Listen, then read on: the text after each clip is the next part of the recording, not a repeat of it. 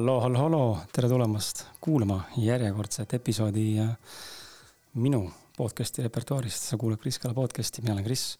tervitan sind, äh, kui ma nüüd ei eksi, siis äh, kahekümne kuuenda, kahesaja kuuekümne teise või kahesaja kuuekümne esimesse episoodi. igal juhul tere tulemast ja kui sa varasemaid episoode kuulanud ei ole, siis ole hea, hakka aga nullist pihta, et see teekond saab olema sul põnev ja enesearengu rohke, sest et äh, teemasid, millest me siin äh, saates oleme rääkinud ja miks ma ütlen me, sest et mul on olnud äh, erinevaid saate, kaassaatejuhte ja olen ka üksi vedanud seda päris palju. täna olen ma siin üksinda või noh, koos külalisega, aga saatejuhin üksinda.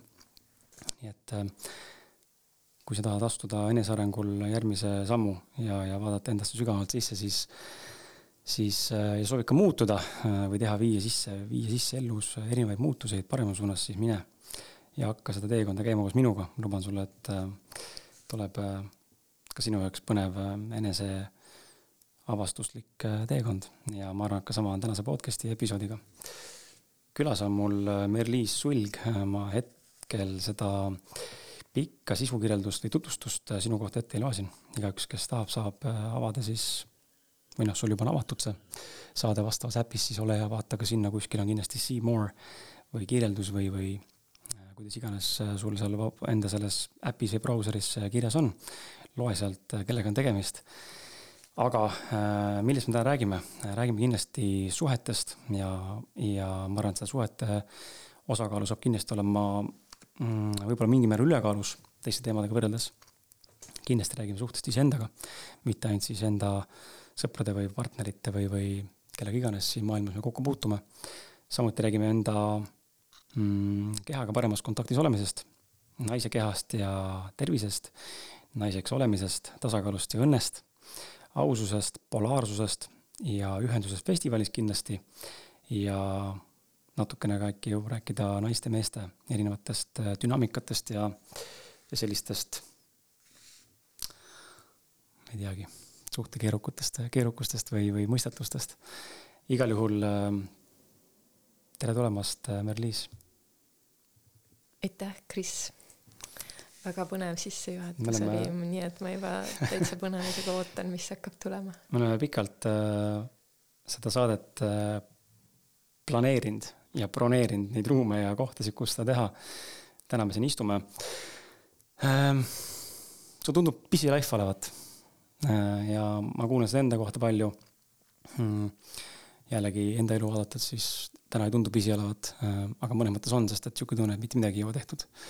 ja kohati nagu on selline tunne viimased üks niisugune, ma arvan, et paar aastat on tugevalt selline tunne, et äh, nagu energeetiliselt või kuidagi mingil peentasandil siin taustal on justkui seda aega keeratud kiiremasse protsessi. vähemalt selline tunne on, et midagi on tehtud ajaga või siis meie taju sellest aja lineaarsest ajast või sellest liikumisest või sellest kulgemisest on kuidagi kiirenenud ja, ja mingipärast on inimestel tunne, et aega on kogu aeg vähe.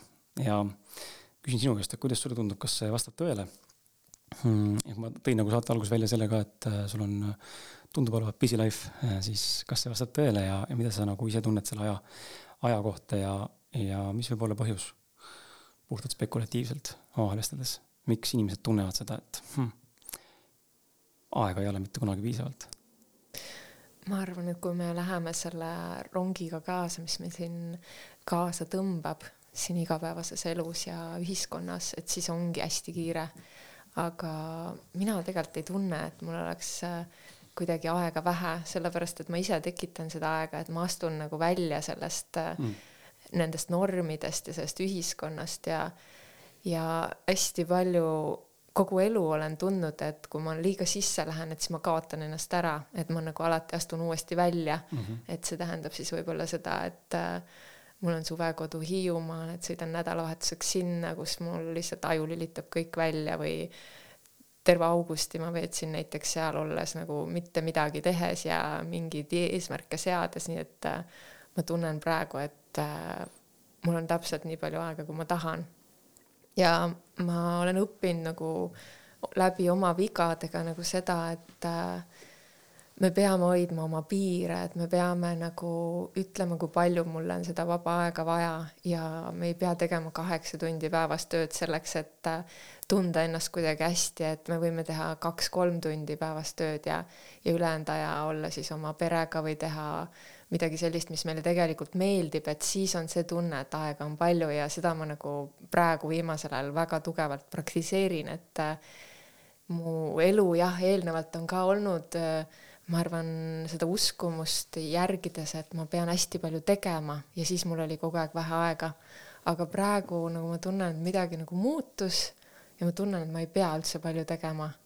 ja ma näen, et see nagu kannab, et nagu asjad ikkagi toimivad uh. Mhm. -huh. Et ma ei pea nii palju tõmblema, et kõik asjad tulevad kokku, kõik toimib, jookseb ja, ja et äh, jah, et see on nagu mingil peenemal tasandil loomine, et see ei ole nagu, me ei pea füüsiliselt võimlema selleks, et midagi luua. mulle endale tundub, eh, just viimasel ajal olen märganud seda üha rohkem, et eh, mõnikord asjad kuhjuvad kuidagi, ei jõua neid teha, eks ole, ja, ja ka siis ise postpone'id või siis lükkad edasi, eks ole. Eh, või mingitel muudel anomaaliliste põhjustel asjad lihtsalt äh, nihkuvad ja ei saa valmis õigeks ajaks, kui tegelikult oled mõelnud, et teeks ära selle. ja siis, kui hetkel ette võtad selle, senimaani, kui sa ette ei võta, tundub see nagu kolossaalne nagu ülesanne olevat, eks ole. ja siis, kui ette võtad, tegelikult avastad, et oi, aga tunniga sai tehtud ju, et äh, see on hästi huvitav olnud märgata seda, kuidas me või noh, ma saan rääkida ainult iseendast, eks ole, kuidas ma ise väga tihti mingite ülesannetega teen ta nagu suuremaks, kui tegelikult ta on.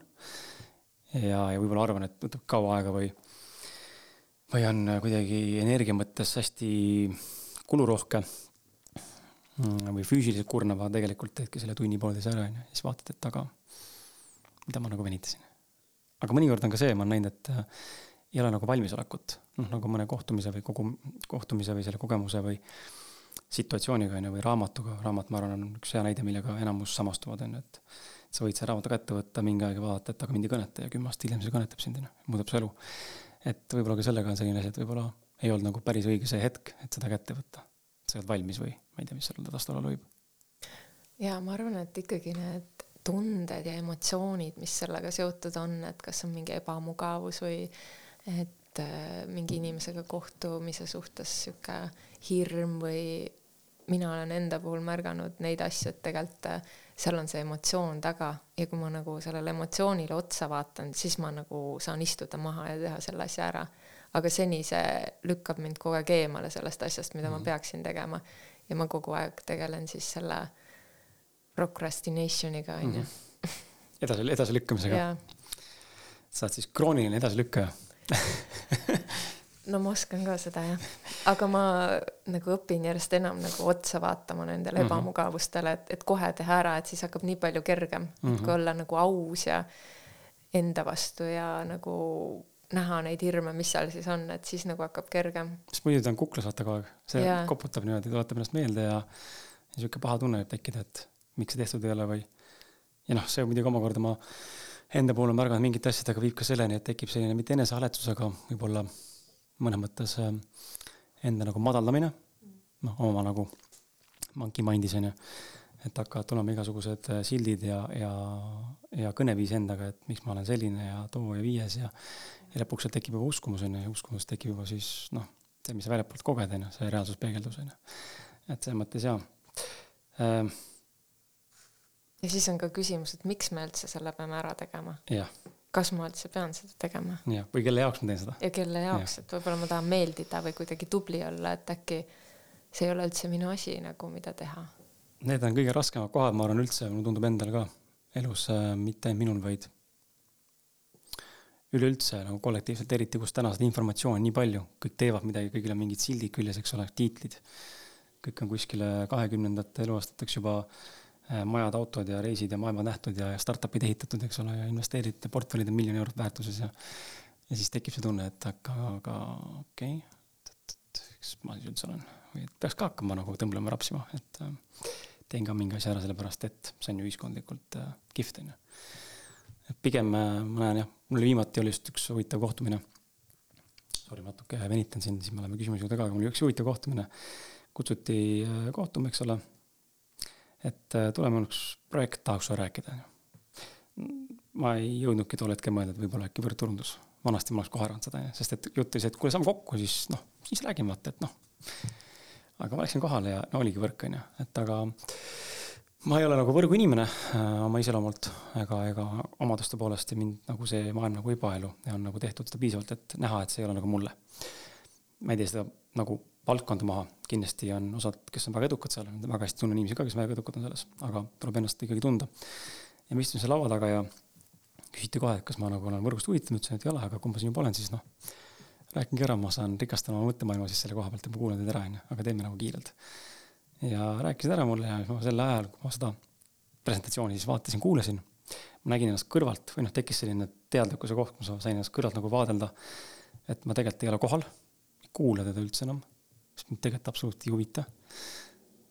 samal ajal tundub see projekt, nii palju kui neid snippeteid mulle sealt äh, silma jäi, tundus nagu, et oo, et kihvt, paljulubav ja kindlasti osad seal läheb väga hästi ja sihuke, et võib minna ja kihvt projekt ja täitsa uut mõte, krüpto ja mingite sotsiaalmeedia ühendamine ja, ja siis lõpus ütlesin ka, et aga väga kihvt, aga mul ei tekkinud nagu null, noh, null, nagu null emotsiooni, ma vaatan, kuidas sina mulle räägid sellest nagu sellise passion'iga, eks ole. mul ei teki üldse nagu mingit klikkamist, et aitäh jagamast, aga noh, see ei ole mulle. ja kui ma sealt ära läksin, ei läinud kuidagi ebaviisakalt, vaid äh, toredalt, sõbralikult ja rõõmsalt ja kõik olid õnnelikud ja. ja siis istusin autosse ja siis tekkis nagu selline tunne, et fuck, kui tore noh. sain lihtsalt öelda ei noh, niimoodi, et endale kindlaks jääda, et see ei ole mulle. vanasti sihuke, ma arvan, kuskil kuus-viis aastat tagasi oleks olnud see FOMO, fear of missing out on ju, et tean, et see valdkond ei ole mulle, aga noh, see on nii algusjärgus praegu, et ma äkki lähen ikkagi praegu pardale vaata ikkagi noh, et äkki seekord ikka veab, no ei vea, see ei ole see koht, kuhu ennast nagu panna, sa oled saanud oma vitsad, sa saanud kogemuse, see ei ole sulle. julge öelda nagu ei, ära karda nagu ilma jääda, onju, sest tegelikult sa ei jää millestki ilma. ja tunne oli sees nii hea, et ma ütlesin nagu ei millegile, mis ei ole lihtsalt mulle.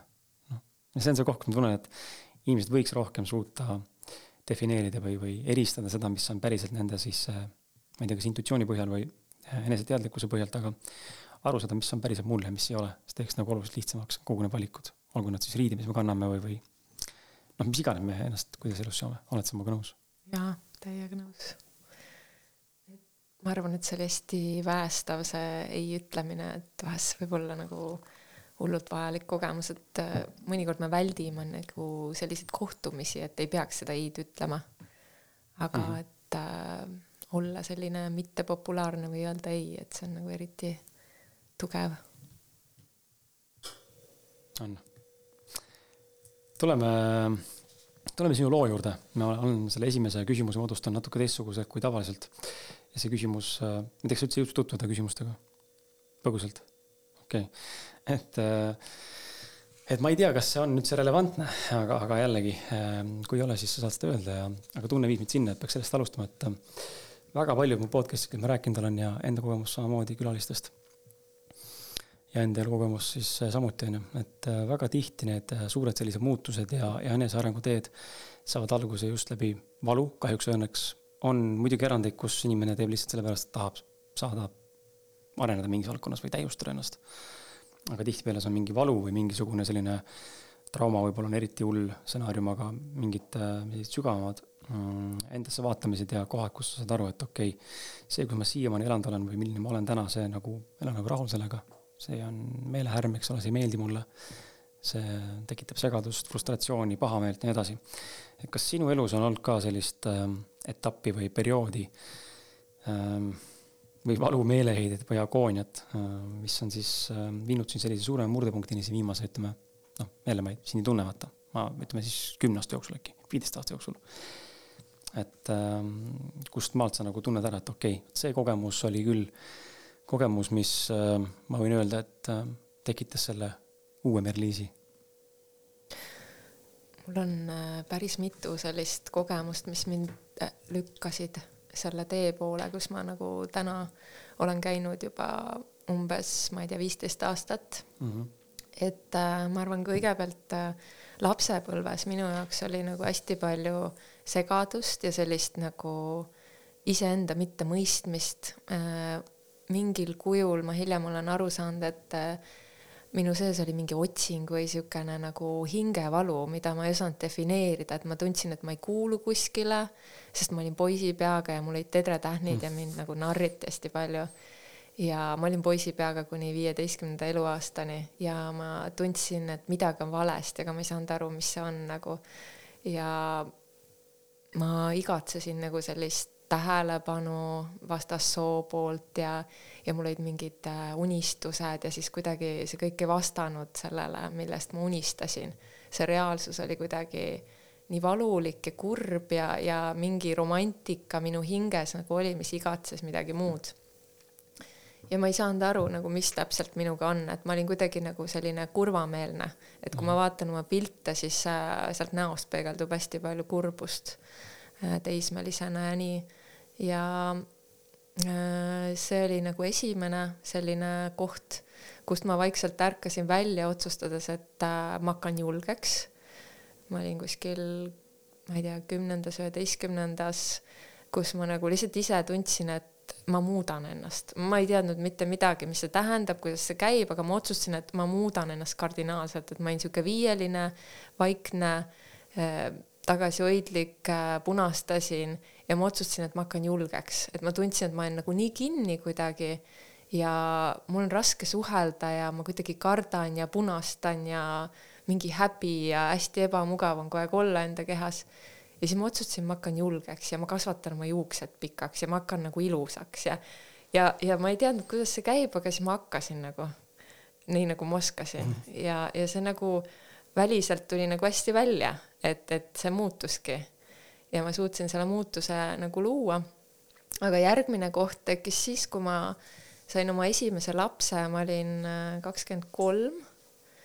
tegelikult enne seda oli sihuke koht, kus äh, ma seisin nagu surmaga silmitsi, et äh, et mul lõhkes pime sool ja ma olin siis kaheksa päeva kuskil reisil ja ei teadnud, et see oli lõhkenud mm. nii et, et ma olin nagu kõrges palavikus ja, ja kui ma lõpuks Eestisse jõudsin siis äh, arstid nagu ei saanud aru, mis minuga on ja verenäitajad olid nii kehvad, et nad lihtsalt lükkasid mind otse siis operatsioonile. ja keegi ei teadnud, mida siis lõigatakse või mis tehakse. ja, ja peale seda ma taastusin kuskil kuu aega, et nagu üldse käia normaalselt ja, ja, ja tunda ennast nagu uuesti nagu inimesena ja see nagu pani mind hästi mõtlema, et, et ma nagu elan nagu siin ja praegu, mul ei ole enam aega midagi edasi lükata, et ma pean nagu kohe elama hakkama. et äh, ma oleksin võinud ära surra, ma pidingi nagu justkui kolmandal päeval tegelikult äh, teoreetiliselt äh, võib juhtuda nii, et surraks ära mm -hmm. sellise asjaga. aga mul läks õnneks ja ma ei surnud ära ja mulle anti nagu uus võimalus ja ma tundsin, et mulle anti uus võimalus. ja, ja siis mul oli nagu üks asi, mida ma nagu kindlalt soovisin, oli see, et ma soovisin emaks saada ja siis ma nagu tundsingi, et äh, okei okay,, et äh, ülikoolid ülikooliks ja nii edasi, ma jõuan kõike seda teha, aga et ma soovin emaks saada ikkagi mingil põhjusel ja, ja siis ma saingi kahekümne kolmeselt oma esimese lapse. ja olin sel ajal ka siukses õnnelikus suhtes ja ma arvan, kõik see nagu hästi palju muutis mind, et, et, et siis peale lapse sündi ma sattusingi sellisesse äh, suurde segadusse, sellepärast et see kes ma siis olin, see noor tütarlaps, ei teadnud emadusest väga midagi, onju. ja, ja siis hakkas see kuidagi sissepoole minemine, et ma tundsin, et okei okay,, et nüüd on midagi valesti, et ma vist vajan mingit psühholoogilist abi ja siis ma hakkasin otsima nagu psühholoogilist abi, sest kõik see, et kes ma olen ja, ja ja miks mul on nagu kuidagi raske olla endaga, see oli nii segadust tekitav. ja siis ma sattusin mingi psühholoogi juurde, see oli muidugi täiesti äh, selline mitte midagi andev minu jaoks. Ja, ja siis ma läksin õppima holistilise teraapia instituuti.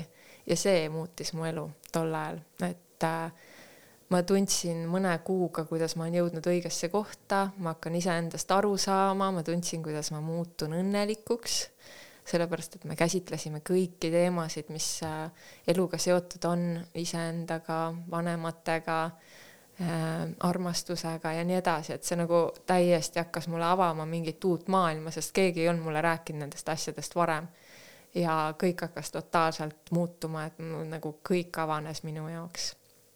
ja kogu see kannatus, mis ma terve elu olin kogenud, et nagu need asjad hakkasid nagu kuidagi asetuma oma kohtadele ja, ja nagu, nagu sihuke totaalne ärkamine oli see mm -hmm. minu jaoks see on äh, see sinu see ülevaade pani mind mõtlema ähm, sellisele teemale, millele ma mõtlesin tegelikult siin üks paar päeva tagasi elukaaslasega arutasime teemal ka, et huvitav. Äh, vaata, noh, sa mainisid ka seda, et äh, just nimelt see psühholoog ja, ja siis otsisid vastuseid ja, ja ma olen ka oma terve elu enda, terve enda elu otsinud vastuseid.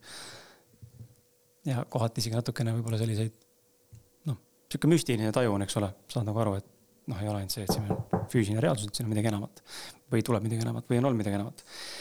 ja siis ma olen ka nagu otsinud ja, ja siin täiskasvanu eas ka ikkagi noh, terapeuti külastanud ja, ja tegelenud siis selle, kas läbi päeviku enesereflektsiooniga või mis iganes muude viiside coach'ide juures käinud ja, ja baariteraapias käinud isegi, mitte et suhtega probleeme on, aga et üksteisest paremini aru saada selles dünaamikas on ju. ja siis me elukaaslasega arutasime, et aga mis siis saaks, kui me ei torgiks ennast niimoodi kogu aeg. noh, see täna on see tendents, ma ei ütle nüüd, et eneseareng või selline läbi mm,, sest noh, see soov läbi mingite, kas siis on see holistikakool, eks ole, või mingite kursuste või mingite teraapiate, ennast nagu arendada või endasse hakata sügavamalt vaatama ja aru saama, mis see siis nagu põhjustab mingeid käike, eks ole, loomulikult neid võib vaadata kui see sind kõnetab, aga me hakkasime mõtlema, et huvitav, mis siis on, kui ma nagu ei torgiks ennast, et äkki me selle torkimisega tegelikult me nagu hoiame ennast kinni selles noh, selles tundes vaata onju, sest alati ma näen, alati ei õnnestu inimestel neid asju nagu lahti haakida ja ma ise olen näinud ka teraapiate tulemusel, et on mingid mustrid ja mingid teemad, mis ei ole siiani tänaseni lahenenud.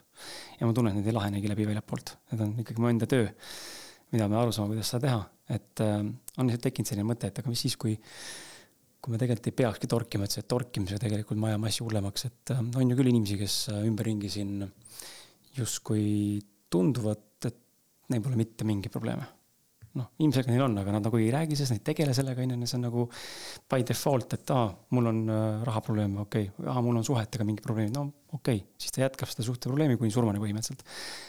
aga ta ei tundu nagu kurvem selle võrra olevat, muidugi ma ei tea, pole rattasuhe niimoodi igapäevaselt, ilmselt ikkagi mingid, mingid sundmõtted, sundmõtted tekivad.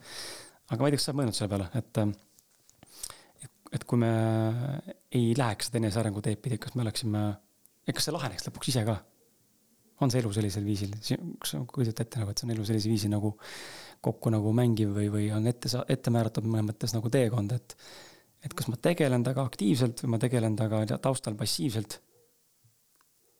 igal juhul saab see lahenduse. või pigem on ikkagi see proactive ehk siis nii-öelda aktiivne pool, et ma ise pean seda torkima, surkima, küsima küsimusi, käima, tegemas, tegelema. ja siis ta saab lahenduse ma arvan, see sõltub hästi palju sellest, mis need mustrid ikka meil on, et kui äh, mina jagasin oma nagu tausta, et äh, kui on selliseid traumasid ja kogemusi elus olnud, et siis äh, me kaldume nagu sulguma mm. -hmm. siis, kui me nagu ei ole teadlikud või võtame neid asju nagu kuidagi, et me ei võta võib-olla siukse kohaloleku ja avatusega nagu vastu seda elu et kui me lihtsalt niisugust tavalist elu elame, et, et meil kipuvad need mustrid peale tulema ja me hakkame nagu ikkagi minema sinna vanasse mustrisse, kui meie see teadlikkus kaob. aga ma olen just jälginud ka samamoodi inimesi ja vaadanud, et need, kes niisugusel kergemas energias on või kellel justkui elus nii palju traumat ei ole olnud mm, -hmm et nad võib-olla oskavad rohkem nagu olla kohal ja hinnata ja, ja neil on mingid teised ülesanded siin elus, mida nad peavad tegema. et mina nagu selgelt olen ära tundnud, et minu ülesanne on tegeleda inimestega ja see usk on nagu nii tugev minu sees olnud, et ma nagu tunnen, et mul ei olegi mingit teist võimalust. ja, ja see toob mind kogu aeg selle töö juurde tagasi, et ma töötan no mitte päris iga päev ei tee klienditöid, aga, aga klientidega korraldan kursusi ja kogu aeg olen nagu selles maailmas ja, ja inimesed tulevad minu juurde, mingid staarid, kes paluvad, et ma korraldaks nende kontserte või üritusi. et äh, ma tunnen, et ma olen mingi link nagu nende kahe maailma vahel justkui mm -hmm. ja, ja, ja ma näen, kui ma nagu selles kohas olen, et, et äh, mulle avaneb nagu see pilt, et ma näen nagu neid detaile ja saan nagu luua seda mingit nähtamatut reaalsusesse kuidagi või aidata nagu sellel sündida nagu siia maailma, et et äh, jah, et äh, minu puhul ma näen, et äh, see peab nii olema, aga ma arvan ka, et me ei pea nagu hullult kaevama, et ma ka esimesed aastad hullult kaevasin, otsisin kõigele põhjust lapsepõlvest ja nii edasi. ja ühel hetkel ma nagu jätsin selle kaevamise ja valisin nagu sellised metoodikad, mis keskenduks pigem loomisele ja, ja sellisele positiivsele poolele. ja aitan ka oma kliente põhiliselt läbi selliste tehnikate, mis on nagu kohaloluga seotud ja kuidagi selle loomulikkusega, seesama, mis sa ise nimetasid mm, -hmm. et kõik nagu see sisemine tarkus on meil olemas ja kõik nagu iseenesest kuidagi läheb. ja kui meil on piisavalt armastust ja kohalolu, siis ma usun, et täiega nii see toimibki, et me ei pea midagi seal ise nagu kalkuleerima või eesmärgistama või ära muutma. et ma nagu üldse ei usu sellesse mingisse muutmisesse ja, ja tohutusse mingi enda äh, tagant sundimisse, et ma usun sellesse loomulikkusesse, armastusse ja sellesse valgusesse, mis meis kõigis olemas on. aga selleks me peame hästi lõdvestuma, et, et see valgus nagu saaks esile tulla või et see sisemine tervendus saaks nagu seestpoolt väljapoole tulla või see sinu nagu sära saaks lahti minna või see potentsiaal mm, -hmm. mis tööd sa pead tegema või, või mida sa pead siin maailmas looma, et ma usun, et meil kõigil on nagu see olemas, et me ei pea midagi nagu sunniga tegema. ja jah, ja see on suht meeldiv tegelikult, et kui me niimoodi teeme, siis see endaga töö ei tundu nii hull, vaid see tundub nagu sihuke põnev, et see tundub nagu vau, et ma avastan nüüd enda kohta veel midagi, et et mis nurga alt või kuidas ma mingeid asju teen või loon või mõjun või, või kuidas kõik toimib mu elus. pigem, pigem siis äh, fookusega äh, olevikus ja suunaga tulevikku, kuivõrd siis pilguga minevikku ja neid haavade lahti muukimisest. mulle tundub, et seal saab põhimõtteliselt minna lõputult. noh, otsida neid pidepunkte juurde. ma ei tea, kas see vastab juurde. su küsimusele või oled sa ka nii tundnud või? jaa, olen ikka ja, aga samas teistpidi sa mainisid just seda huvitavat asja ka, et see enda forsseerimine või mm, mõnes mõttes nagu sundimine äh,. mul enda kogemus nagu näitab, et teinekord äh, sellised enda nagu sundimised või, või kasvõi ütleme siis lühiajalised sundimised või äh, noh, ma isegi nimetaks seda sundi, ütleme, ütleks seda võib-olla distsipliin. ja sellises rangemas võtmes on ju, et noh, näiteks hea näide, mis mulle väga meeldib, mul sõber tõi selle nagu nii hästi välja, mitte mulle, aga ta pani story ülesse ja ja, ja ma nägin seda ja minuga ta noh, samastus, ma saan tast aru ja ma ise olen sama meelt, aga tõi nii hästi välja selle lause. oli pilt, kus ta siis tõmbas lõuatõmbeid õues ja oli tehtud siis tekst, on ju, kas mulle meeldib minna peale tööd trenni õhtul hilja ei, kus mulle meeldib see, ma näen hea välja, ma olen vitaalne enda, enda vanuse juures, jaa. ja see on see vastus. et see on see koht, et kas mulle nagu meeldib seda teha, not so much võib-olla, aga need kasutegurid, need benefit'id, mis sellega kaasa, kaasnevad ja see heaolutunne, mis saab kaasa tulla läbi mingi saavutuse või kuskile jõudmise, eks ole, või või selle füüsiline päriselt siis keha näeb parem välja või olen, tunnen ennast palju jõulisemana või on rohkem energiat või olen enesekindlam või selle nimel tasub, tasub nii-öelda siis justkui nagu sundida või distsipliin, distsipliini nagu luua. et noh, see motivatsioon, inspiratsioon, see tuleb ja läheb, eks ole, aga distsipliin ta jääb. on mul see tuju mitte, ma lähen ja teen selle asja ära, sest et see tuleb ära teha lihtsalt, on ju. see on mind väga palju nagu elus äh, äh, saatnud positiivsel viisil. aga viimased paar aastat on väga tugevalt tulnud sisse seda just seda loomingut ja sellist äh, loomingulisemat ja spontaansemat kulgemist, elu usaldamist, kõikvõimalikke äh, võimalike variantide usaldamist nii-öelda, mis igas lauale tahab tulla, justkui nagu usaldada, et äh, it is meant to be, äh, ma lähen seda teed see tundub ka roheline äh, olevat, et ma annan talle, annan talle kindlasti rohelise tule ja näpu püsti, et tuleb seda ka teed jälgida, aga mulle tundub, et seal teine pool, selles teises pooles on ka oma võlu mm,. aga jällegi jah, ma ei ole ka seda meelt, et ennast peaks nagu võib-olla ma kasutan sõna ekstreemselt, jälle see on defineeritav, mis on kelle jaoks ekstreemsus, aga et ekstreemselt ennast nüpeldama, on ju, et kui ma jälestan jooksmist, siis ma lähen ja sunnin ennast jooksma. noh, seda ma nagu ei usu, et see, sealt, sealt jookseb mul nagu piir, et see on nagu null kaifi, mis ma nagu saan sealt.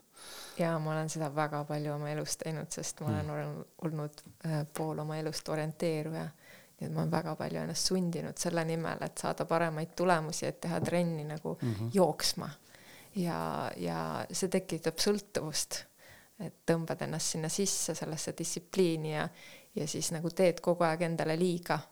ja kuidas jõuda siis sellest samast kohast nagu siuksesse armastavasse kohta, et ma lähen sinna jooksma nii, et ma armastan seda, et ma tahan mm -hmm. seda teha, mitte see, et ma pean, no seesama trenni näide on ju et, et alati on mingi eesmärk, aga et kuidas ma seda saan nagu armastusega teha, et, et see on nagu nii mõnus, et ma tahan seda teha ma arvan, et üks viis on see, kui sa õpid seda asja võib-olla nautima. noh, või siis, kui sulle päriselt hakkab see nagu meeldima, et äh, ma iseenda trenniga näen ka, et kui seda mingi aeg ei ole nagu enda seest seda, soovi olnud siin mõnel ajal, siis sa lähed ja sunnid ja teed ja siis tegelikult see ei ole noh, tegelikult sa ei naudi seda ja, ja sa tegelikult jälestad ja tulemust ei tule ka. samal ajal kui täna lähen äh, trenni, eks ole, teen seal ja ma ei tea, oletame, teen, otsustan teha jalatrenni, mis on ilmselgelt nii füüsiliselt kui ka vaimselt ja kesknärvile väga koormav. sest jalalihasgrupid on nii suured, eks ole. et äh, ma tean eos ette, et trenn tuleb väga raske juba.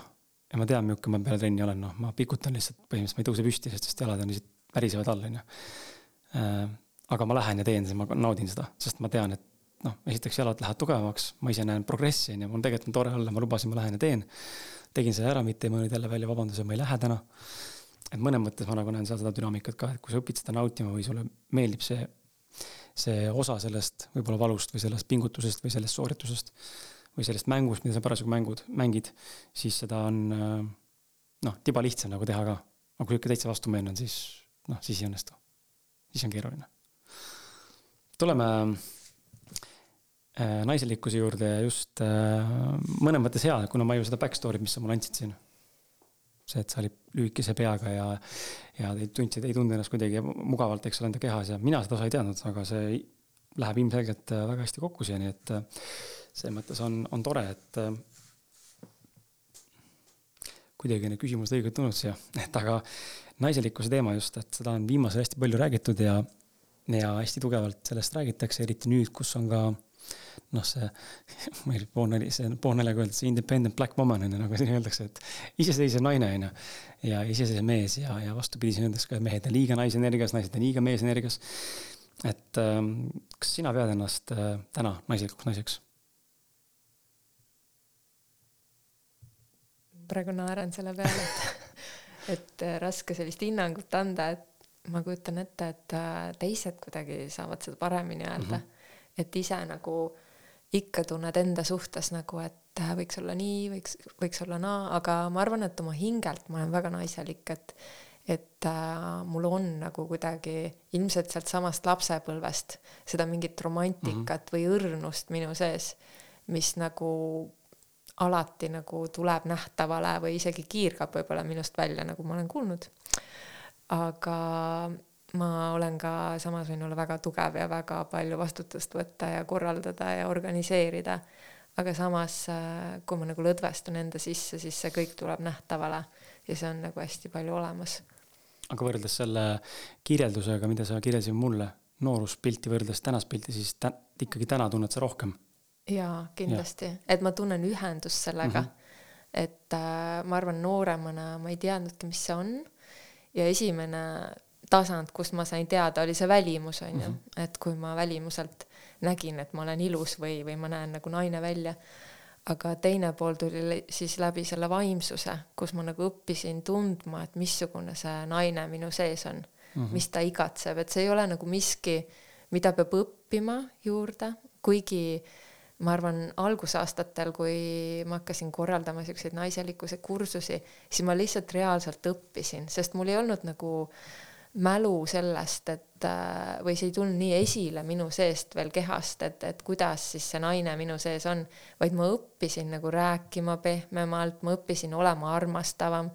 ma sain nagu aru, et minus oli siukest nagu kuningannat või sellist mm -hmm. nagu külmust võib-olla palju ja ma ei osanud olla soe et siis ma nagu reaalselt pidin mingeid asju õppima või meelde tuletama, et kuidas siis naised nagu saavad olla pehmed. Ja ma arvan, siiamaani see on väga paljudele naistele vajalik õppida neid asju, sest et äh, meie vanemad või meie ema eelkõige nagu õpetab meile seda alateadlikult. ja vahest äh, need õppetunnid ei ole just need, mida me tahaksime saada mm -hmm. või mis meile vajalikud oleksid ja me õpime läbi jäljendamise, et kus me oleme üles kasvanud, mis me oleme näinud. ja kui me tahame midagi muud luua oma elus, et siis me peame õppima juurde, õppima seda, mida me tahaksime luua. aga kui sa peaksid äh, saate kuulajatele kirjeldama, jälle no ütleme siis kirjeldama, sildistama läbi märksõnade või, või mingisuguse sellise ettekujutuse manamise, milline on naiselik naine? millised need väärtused või, või kui inimene, kes mõtleb ja kuulab meid täna ja tunneb, et mis üldse aru, millest nad räägivad, eks ole, mis on see mehelik mees ja naislik naine, mis on loomulikult defineeritav ja, ja vägagi individuaalne, mõnes mõttes individuaalne nagu vaatevinkel mm.. aga ikkagi mingid, mingid punktid kindlasti ma usun, et nagu mõnes mõttes äh, kategoriseerivad, eristavad. et äh, oskad sa äkki mõned välja tuua, naiselik naine ja mehelik mees? naiselik naine, ma arvan, et äh, kindlasti see naine on ühenduses oma keha, oma sensuaalsusega. Ta on nagu õppinud seda tundma või, või kuidagi äratanud enda seest, et lubab endale seda, lubab endale seda pehmust ja armastust äh, kogeda ja väljendada ka äh, olles oma lähedastega koos.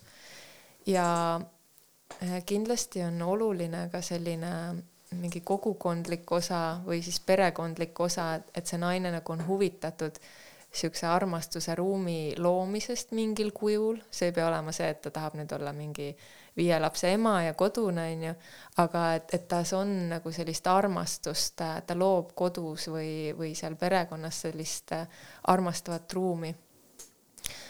ma arvan, et äh, oluline on ka see, et ta hoolitseb enda eest äh,, et äh, mis iganes see siis on, välimus või endale aja võtmine, enda piiride seadmine, enda täitmine.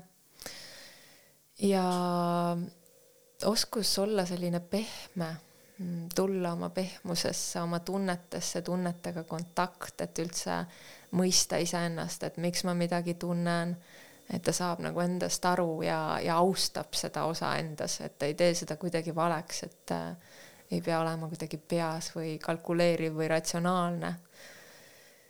ja lubab olla endal unikaalne ja spontaanne, et äh, see on hästi oluline, et naine või see pehmus või ilu tuleb välja just läbi selle, kui ta nagu on selline nagu kõik see, mis temast tuleb, naine on nagu selline nagu ruumi täitja, et, et see ongi nagu alati selline spontaanne ja lõputu, mis sealt välja tulla võib, et äh, ja samas see on väga ilus ja maagiline, et kui ta lubab endale nagu kõike, see ei tähenda, et kellegi nagu peale tunnete väljaelamist või midagi sellist, aga et et lubab sellel nagu ilul võib-olla nähtavale tulla ja see võib olla mida iganes, nagu see on nii lai, et see on nagu võib-olla selline hoomamatu, et seda on raske nagu siin nagu sõnadesse panna. Aga jah, midagi sellist äh, kõikehõlmavat, et lubab nagu sellel kõigel endast läbi voolata ja siin ratsionaalses maailmas siis nagu väljendada mingil kujul ja see võib-olla vahest on nagu raske, on ju, et sellepärast naised kaotavadki ühenduse oma naiselikkusega, et siin maailmas peab kuidagi sellega toime tulema, et kõik ei ole võib-olla vastu võetud. aga mehed, kuidas sa neid äh, kirjeldaksid või defineeriksid? mehelik mees hmm.. siin ma juba tunnen, et äh, mm, ära muretse, mulle sa liiga ei tee. jaa, just täpselt see tunne, et ei tahaks nagu kellelegi liiga ei, teha, et see ei tähenda, et, et, et see on õige ja see on vale, aga nagu ma arvan, et äh, meeste jaoks on oluline kõige rohkem nagu see, et et kas neil on see oma mingi eesmärk või see mingi kirg või see, et miks ma midagi teen, et see on nagu paigas või ühendus sellega, et äh, see oma nagu suurem eesmärk, et äh, kuidas siin maailmas midagi luua, et see mingi loomine, mis neile meeldib, et see on oluline äh,. kohalolu, tasakaalukus, et äh, olla nagu enda keskmes või osata tulla enda keskmesse ka siis, kui on hästi palju emotsioone või kõikumisi, et leida uuesti tagasi keskmesse tee, et kui naised on siuksed spontaansed ja kõikehõlmavad, et siis äh, mees on justkui see piksevarras või noh, et ma arvan, et see annab mehele ka tugevuse, kui ta on oma keskmega ühenduses. see on oluline ja äh, võib-olla ka selline närvisüsteemi treenimine selles kohas, et, et kõike on nii palju ja tänapäeval ka on nagu seda infot ja emotsioone ja siis veel see mingi naiselik naine on ju, et nagu treenida nagu seda, et tulla kogu aeg sellesse kohalolusse, teadlikkusse või leida see enda maandus, maandus on ka hea äh, selline kvaliteet, mis äh, kirjeldab seda mehelikku meest, et äh, olla maandatud, olla oma kehas nagu kohal ja tunda ennast seal tugevalt. jah, ja võib-olla siis ka selline õiglus või äh, nagu jälle ka mingis mõttes nagu hoolitsemine, et see ei ole selline hoolitsemine nagu naisel kogukonna eest läbi armastuse, vaid siis selline ruumi hoidmine võib-olla, siukse tasakaaluka kohaloleva ruumi hoidmine.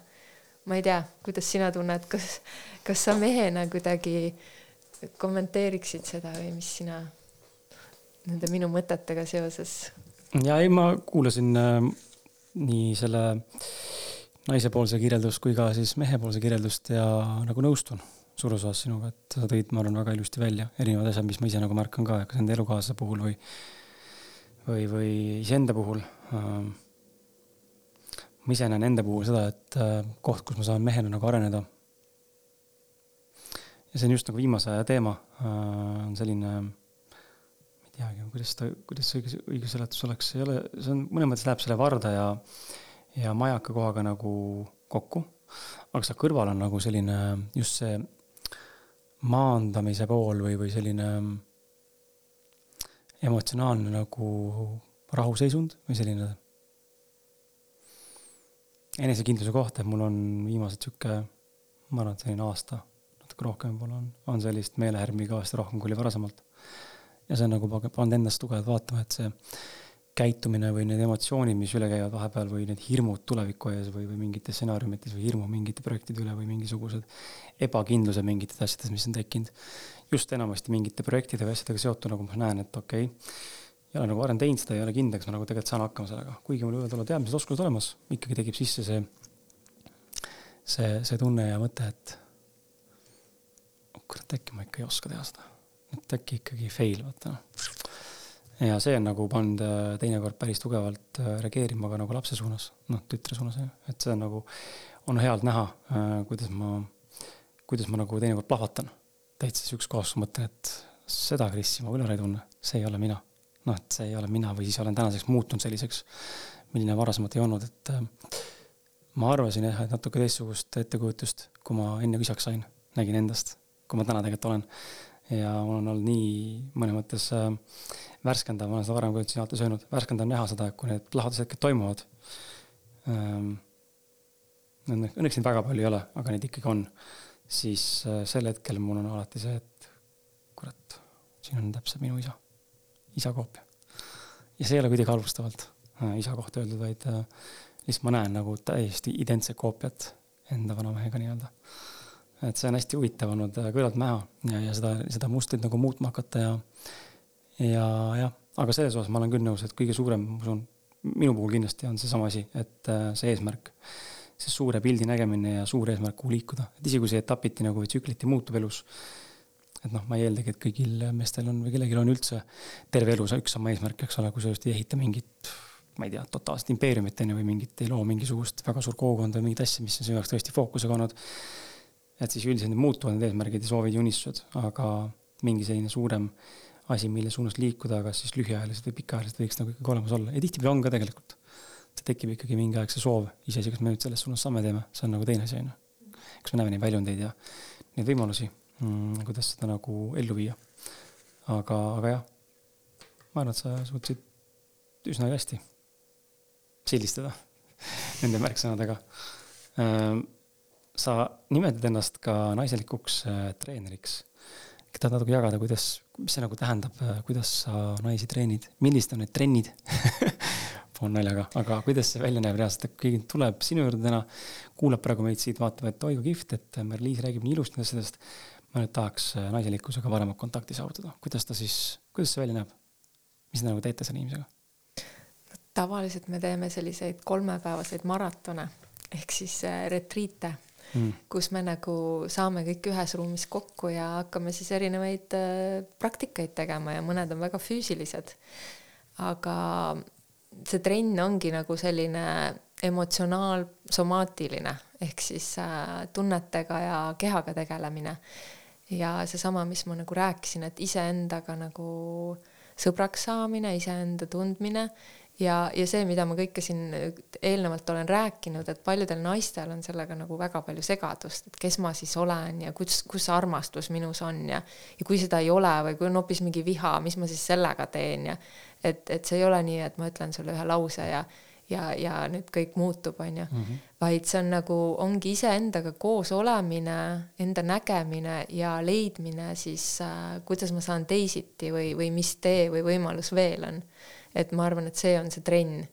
Ja, ja sinna trenni alla siis käivad ka nagu sellised praktikad, mis aitavad nagu kultiveerida seda naisenergiat või lõdvestust või mingeid erinevaid asju, et et äh, ja minu jaoks on see trenn sellepärast, et, et me nagu kuidagi oma närvisüsteemi nagu treenime sinna uude kohta, sellepärast et me oleme terve elu elanud võib-olla kuidagi teistmoodi ja selleks on vaja korduvalt treenida, et see muskel nagu tekiks, et mm, -hmm. et nagu ma kirjeldasin, et äh, oskus nagu rääkida armastavalt või et ma ka õppisin ja treenisin algul neid asju, sest mul ei olnud seda võimekust, et see on nagu ajuplastika või neuroplastika on ju, et ma õpin neid uusi võimalusi endale sisse ja siis mul tekib see oskus seda teha mm. -hmm või siis äh, ka teraapias käivad mõned naised äh, ja vaatame siis nagu nende elu üle, et kuidas neil mingis olukorras võib-olla on võimalus teisiti nagu käituda või, või miks nad käitusid nii, et, et mis seal taga oli, et, et näha neid mustreid läbi ja, ja kuidagi leida see naiselikum viis suhestuda mehega või eluga või iseendaga. kas sa oled äh, inimesena seda meelt, et ähm, äh, noh, võib-olla sõna peab on äh, liiga liiga, liiga, liiga selline mitte pealetükkiv, aga, aga liiga paika panev sõna siin võib-olla, et võib-olla parem öelda on, et võiks igalühel olla elus selline suurem eesmärk, suurem soov midagi saavutada, kuhugi jõuda, olgu ta siis materiaalne või mittemateriaalne. või nende eesmärkide omamine sellisel viisil või unistuste omamine sellisel viisil ei ole tegelikult üldse oluline enesearengu mõttes või saamaks õnnelikumaks inimeseks või ikkagi on see, kui me hakkame neid asju, eesmärke, soove, unistusi lõpuks täide viima, äh, siis läbi selle me tegelikult ikkagi kasvame ja muutume õnnelikumaks. ma arvan, et see eesmärkide teema on rohkem nagu meestele mõeldud mm.. kuigi mina tunnen, et mul on see mingi visioon nagu, mis lihtsalt drive ib mind mm. -hmm.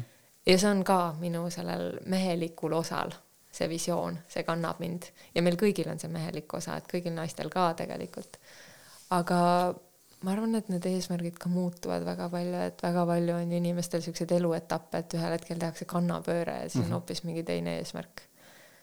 aga oma hingeteed võiks küll käia või, või kuidagi iseendaga kooskõlas elada, et, et see eesmärk ei oleks nagu selline ma tahan nagu sa enne ütlesid ka, ma pean, on ju, mingi taoline mõistusest tulenev, vaid et see on nagu niisugune nagu äratundmine ja seal on nagu mingi niisugune pehmus. kui see on niisugune äratundmine ja sellel teel kulgemine, et, et siis seal on nagu pehmus, siis seal on usaldus ja võib-olla ka rohkem toetust väljapoolt. et kui ma nagu pean, siis ma näen, et mõndade inimeste jaoks see ei tööta mm. -hmm. et kui ta võtab mingi eesmärgi, siis elu lihtsalt üldse ei toeta mõne inimese jaoks vägagi toetab, aga mõned inimesed peavad ilmselt rohkem usaldama seda, mis neile on ette nähtud, et ma arvan, et need kuidagi on jah, erinevalt meil need eesmärgid. sihuke väga naiselik ja voolav vastus oli jah, mul tuleb lihtsalt üks näide meelde, kuidas mul oli siin nädala alguses või nädala lõpus, eelmise nädala lõpus sõbraga telefonikõne üle pika aja, siis kuidagi noh, sihuke viisime kurssi, millega tegeleme, mis vahepeal toimunud on siin ja, ja siis rääkisin nendest erinevatest projektidest ja asjadest, mis mul nagu taustal on, mille vahel ma valin ja mis mulle huvi pakub praegu ja mis nagu lauale on tulnud siin läbi erinevate inimeste ja kuhu elu nagu liigub ja. ja siis ta ütleb mulle, et tead, et su häälest on nagu kuulda sellist enesekindlust rohkem kui võib-olla kuu aega tagasi, kaks kuud tagasi, et nagu rohkem segadust. et kuidagi enesekindel oled, et tead, mis tahad, tead, kuhu liikuda, et ma kuulasin kõrvalt seda kommentaari ja siis mõtlesin, et huvitav, et seda märkab, et et minus on küll nagu mingi selline värske selline enesekindlus tekib mingisuguse noh, lühiajalise või pika, pikemaajalise nagu projekti suunas, mis on huviorbiit tekkinud ja jälle see huviorbiit tekkimine tuleneb sellest, et äh, elu lihtsalt on intuitiivselt viinud kuidagi sinna ja ja kui ma sellega tegelema hakkan, siis ma näen, et asjad jooksevad.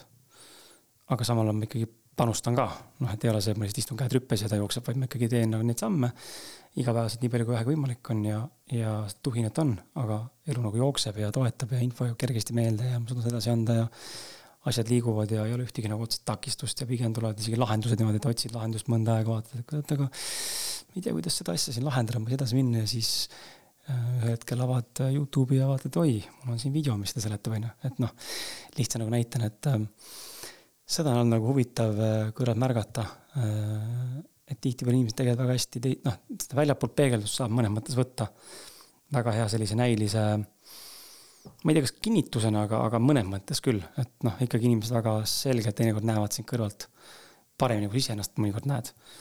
Ehm, või, või sa ei arva nii, et inimesed näevad paremini meid teinekord kõrvalt? ma arvan ka nii, et äh, me ei näe oma pimekohti üldse ja sellepärast ma arvan, et me peame hästi olema avatud suhtluseks, et äh, läbi suhtlemise tulebki nagu see tagasiside, mida me vajame, selleks suhted ongi, et saada mm -hmm. seda tagasisidet iseendale, iseenda kohta, et me oleme suhetes iseenda pärast tegelikult, et iseennast näha paremini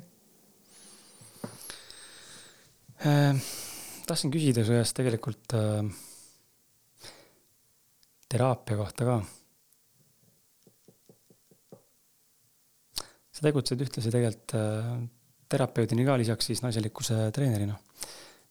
mille poolest sinu teraapiatöö erineb sellest, mida sa teed naistega siis ütleme sellises naiseliku treeningu nii-öelda raames?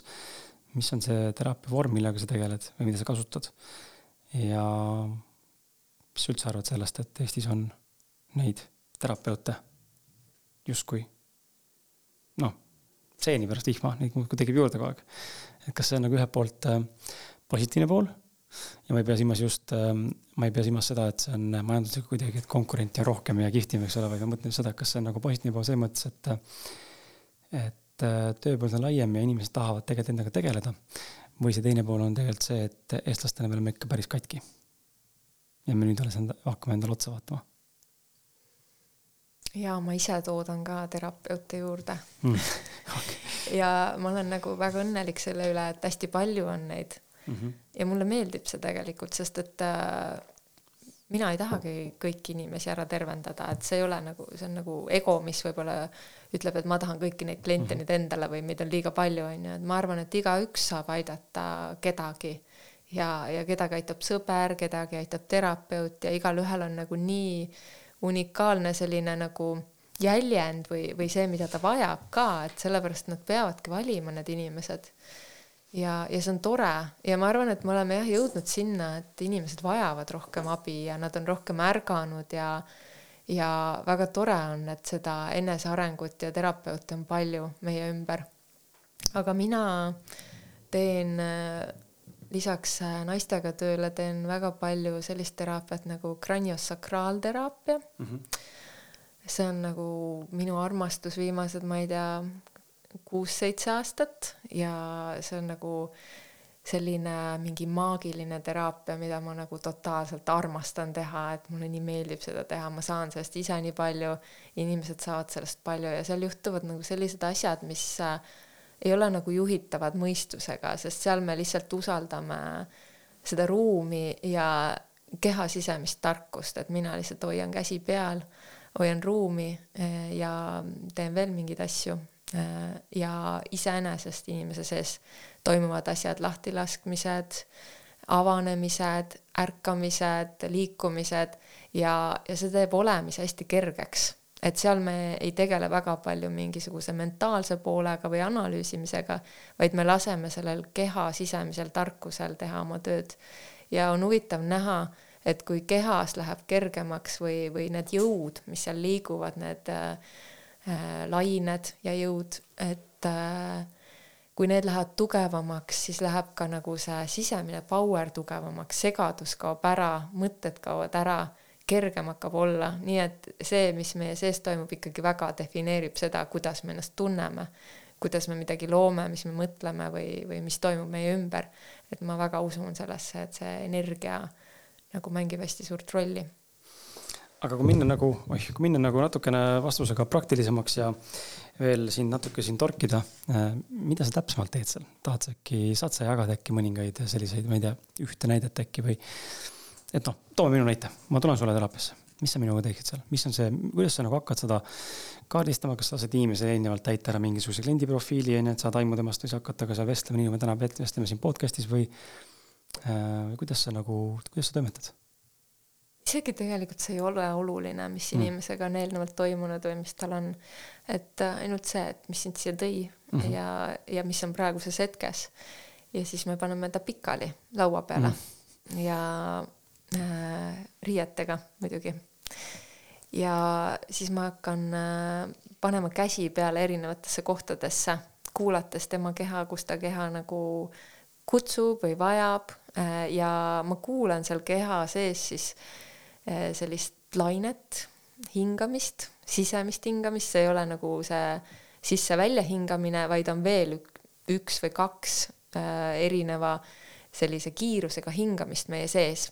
See on selline energia hingamine nagu ja see võib olla vahepeal väga nagu alla surutud või vaikne ja mingid blokeeringud võivad siis seda kuidagi kinni hoida ja siis ma hoiangi mingi seitse minutit võib-olla ühe koha peal käsi ja keha hakkab tegelikult äh, sügavamalt lõdvestuma ja avanema. ja võib-olla keegi liigutab kuskilt midagi, võib-olla ei tee mitte midagi, äh, võib-olla ei tunne isegi mitte midagi, vahest inimesed ütlevad, et nad tunnevad mingeid liikumisi, tunnevad, et kergemaks läks või, või midagi, aga kui nad äh, tõusevad püsti, siis midagi on nagu muutunud. närvisüsteem kindlasti rahuneb ja saab integreerida igasuguseid asju ära, mis on nagu lahendamata jäänud, et kui meil on nagu, sa rääkisid ka hästi palju oma projektidest, on ju, ja eesmärkidest rääkisime, et siis tegelikult iga päev meil on ju pea pulki täis, meil on nii palju asju, mis meil kõik on pooleli ja ja keegi helistas ja kuskile peab minema ja, ja need on nagu erinevad stiimulid, mis hoiavad meie energiat kogu aeg kinni. ja, ja kuidagi kõik jääb nagu laiali. Aga seal me saame nagu maha rahuneda ja keha nagu integreerib kuidagi need kohad ära, et võtab nagu väikse pausi.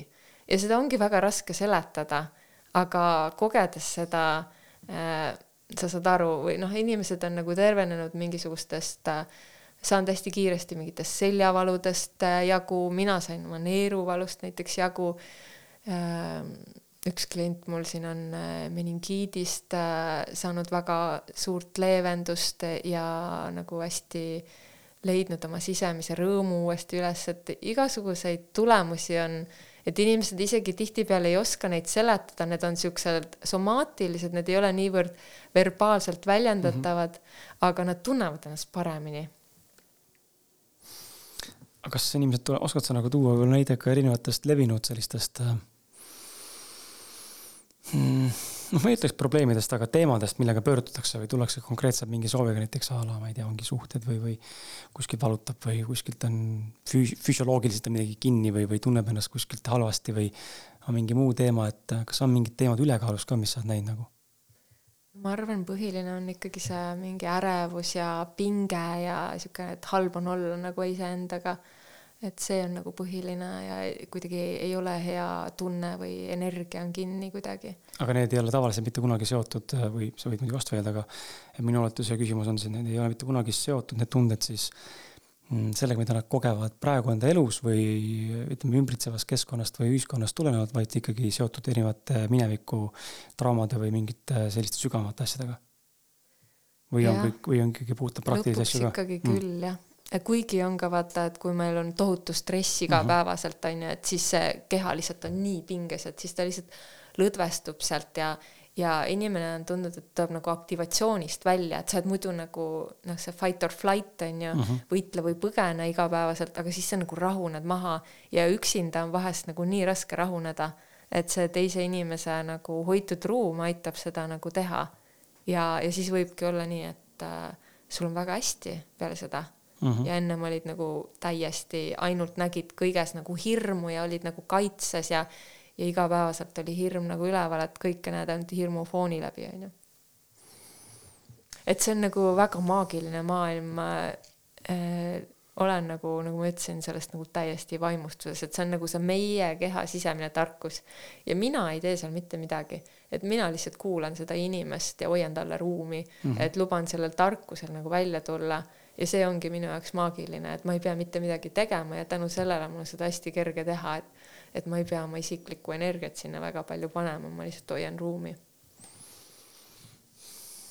liiguvad äh, mõtted sellise mm, tõelise olemuse suunas, sellest räägitakse väga palju, noh, sellest terminist, eks ole, tõeline olemus ja mina, minu päris mina ja ja see kõrgem mina ja minu hing ja, ja vaimtasand ja kuidas iganes keegi nimetada tahab seda mm,. ja väga palju raamatut on kirjutatud ka sellest, eks ole äh, noh, kaks sellist peamist võib-olla, tegelikult ma olen kolm täna kokku puutunud kolme sellise peamise ütleme, raamatu valdkonnaga, üks on kindlasti Transurfing, mis räägib väga tugevalt sellest läbi oma nägemuse, on ju.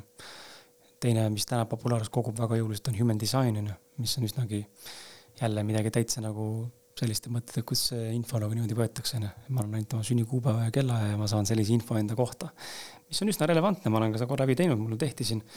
siis ma loen ja mõtlen, et aga kuidas, kuidas see nagu võimalik on et see niimoodi kirjeldab, onju. ja siis kolmas, mis ma lugesin siin paar aastat tagasi äh,. Boria Villaseca või, on sihuke Hispaania autor. Rõõm end, iseendaga tuttavaks saada, on siis Enneagramm.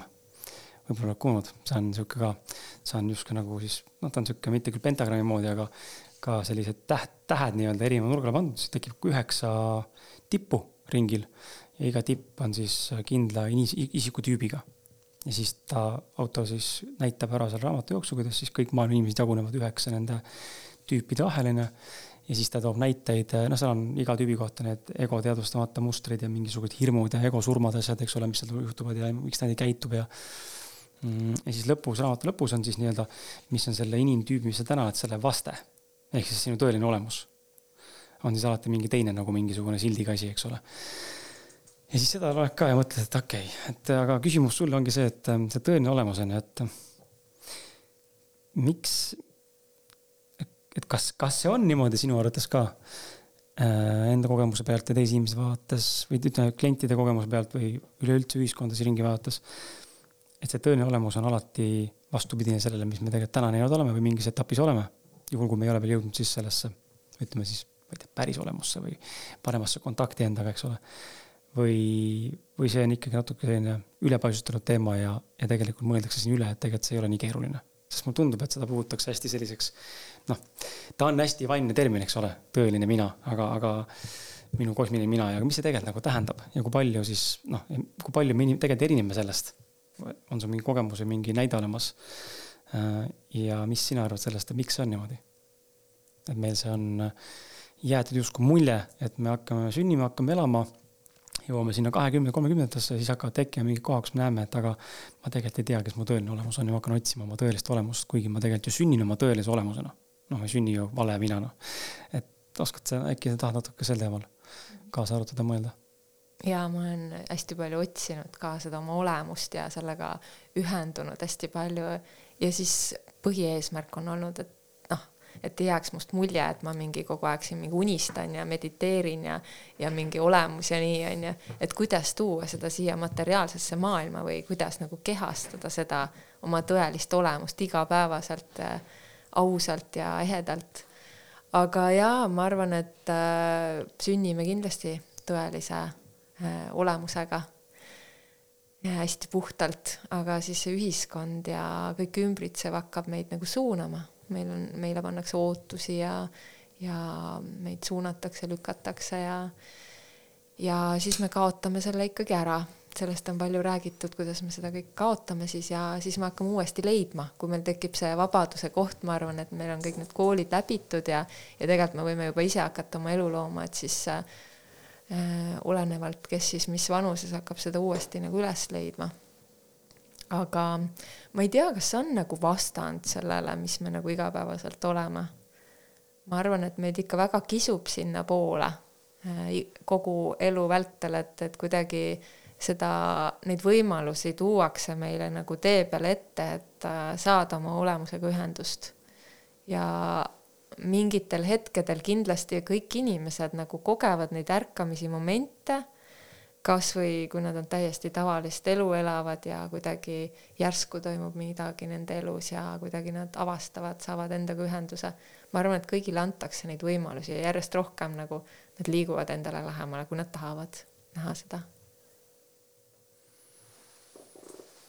kuidas, kuidas, kuidas anda inimesele aimu või, või kinnitust sellest, et kas sa päriselt tahad, see on see nüüd see mõnes mõttes võib-olla aususe koht, miks on ausus nii oluline iseenda vastu ja mõnes mõttes ka teiste vastu, eks ole, aga kuidas nagu inimene peaks aru saama, et kas ma nüüd päriselt tahan või ma, või mul on ainult see märg unistus, et ma tahan midagi saavutada või tahan saada paremaks või liikuda paremaks, sest noh, ma arvan, et sul endal samamoodi ja usun ka kuulajatel ja minul kindlasti on mingite valdkondade tegevuste ja, ja soovidega olnud selliseid kohti, kus tunned, et nagu hullult tahan, aga, aga samal ajal noh, mõnda aega hiljem või siis tegelikult paralleelselt juba tegelikult tajud ära, et aga näiteks ikka on päris, mida tegelikult tahan nagu saada. et aga see ausus iseenda vastu just, et julgeda tunnistada endale, et aga äkki see ikka ei ole see, mida ma tegelikult tahan, kuigi ma olen seda võib-olla, ma ei tea, kakskümmend, kolmkümmend aastat on ju taga ajanud. ja siis nüüd on vaja, et kas see võib ka olla mingisugune koht ma arvan, et äh, seal ongi, kuidas ära tunda, on see mingi liigutus, et kas tekib mingi liigutus selle koha peal mm. -hmm. et kas ja, ja mingi või siis selline flow, et asjad nagu voolavad ja kergus ja sa tunned, et sind kantakse nagu. ja, ja seesama liigutus, et äh, et kuidagi süda on sealsamas või pisarad tekivad selle peale või et seal peab olema mingi hingeline liigutus, et siis on nagu see seotud olemusega ja siis julgus, et äh, julgus nagu, ma arvan, inimesed saavad selle järgi aru, et kas nad päriselt tahavad, et kui nad nagu, kas sa julged nagu päriselt siis teha neid asju või, või loobuda millestki selle nimel, mida sa tahad, või sa mingi lihtsalt fantaseerid enda peas mingisugust asja. et mm -hmm. äh, täielikult nagu pühenduda oma elu sellele või, või nagu astuda sellele teele, mis, kui suur asi see siis on. et et äh, see on nagu hästi oluline. täielikult nagu kehastada seda oma elus. sa tõid selle pisarad teema välja, see on äh, huvitav, äh, huvitav teema. just nagu sellepärast, et tuli üks quote meelde, mul ei ole see nüüd detailselt meeles, aga ta ingliskeelne quote, aga eesti keeles ta umbes kõlaks selliselt, et äh, koht või kogemus, kus sul on pisarad silmas või tuleb pisarad silma, on see koht, kus universum tahab, et sa oleksid ja see on nagu mind äh, mingitel aegadel nagu tugevalt mõtlema pannud ja, ja nüüd siis seda sulle nagu noh, siin oma, omaette mõeldes ja sind kuulates ja äh, sooviga välja öelda seda quote'i nii-öelda, tuli kohe mul see näide ka, et siin paar nädalat tagasi äh,, tegelikult mitte paar nädalat tagasi, aga ütleme, üks kuu aega tagasi tekkis nagu mõte ja soov, läks tagasi Austraaliasse, perega seekord. noh, protsess on natuke keerulisem, eks ole. mitte, et ta võimatu on, aga keerulisem nüüd on ju ülapeetav ja, ja nii edasi, et ei saa enam minna nagu lihtsalt farmi tööle, sest vanus juba piirang on juba ja teised viisad ja teised tingimused ja nii edasi. natuke rohkem uurimist, aga et nagu kutsub sinna viimased kaheksa aastat tagasi juba onju, sest nii hullult meeldis. ja siis nüüd ei, nädala, nädala lõpus, jah, eelmise nädala lõpus saatsin siis äh, ühe sõbra, sõbranna oma mehega, saatsin ära. nüüd, et noh, läksid siis ees ära, eks ole, lapsed jäid siia, lapsed tulevad pärast järgi onju, ehitavad ennast nii-öelda kiiresti ülesse. ja siis äh, sellele mõeldes et nemad läksid ja ma ei läinud. noh, tulid pisarad silma mingi hetk, onju. ja tänaseni ja praegugi ka, noh, praegu ei tule, aga praegu tunnen ka, et minust nagu tekib selline kurbus ja samas on see ära, tohutu äratundmise koht ja sihuke nagu rõõm, mõte, noh, tekib selline rõõmu mõte, et issand, kui tore oleks täna nagu lennata.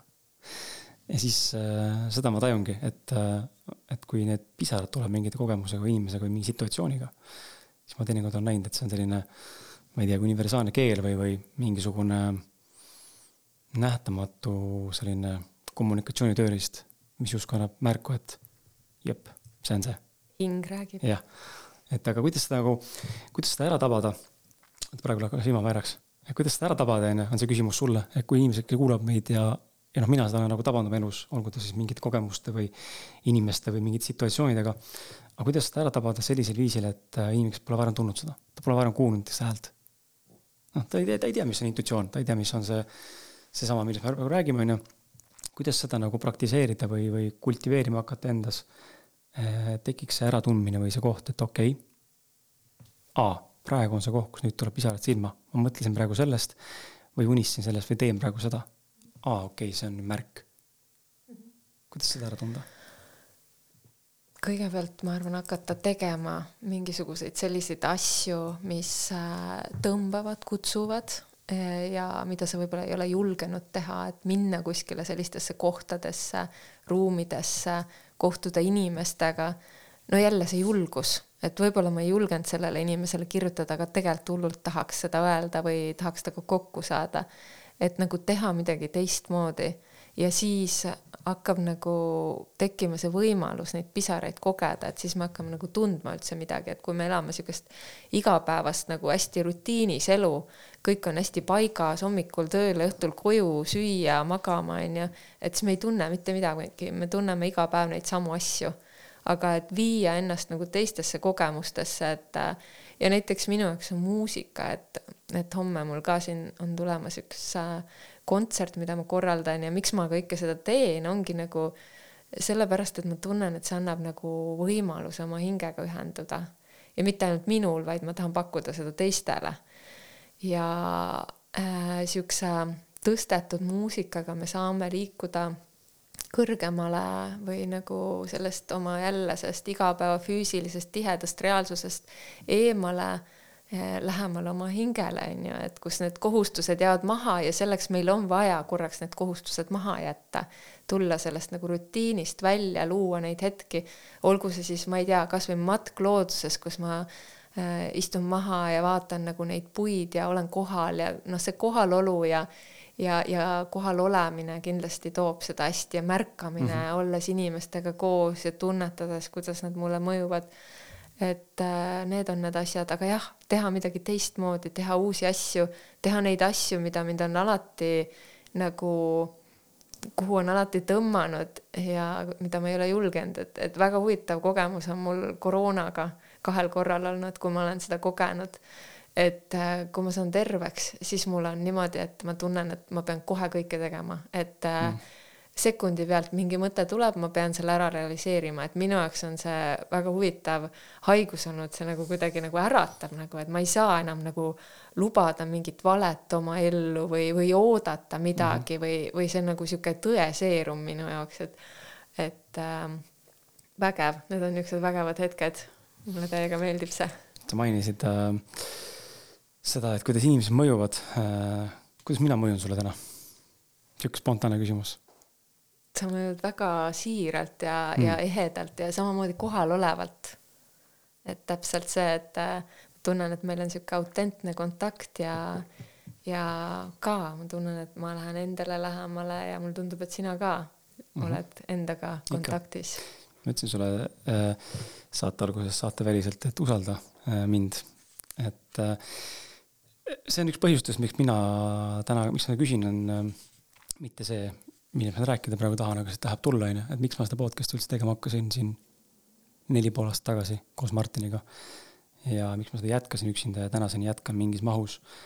tunnen, et see on see, mida ma pean tegema lihtsalt, et noh, ta on nii, ta on nii nagu minu ähm, läbi aegade olnud ja selline just nimelt see ausus ja selline ähm, avatus ja, ja siirus võib-olla selle juures ja ja kuigi ma mõnikord võin olla ka brutaalne oma väljaütlemiste asjadega, siis kunagi ei tule nagu halvast kohast, et see on minu selline, ma olen märganud nagu, et see on see minu mm,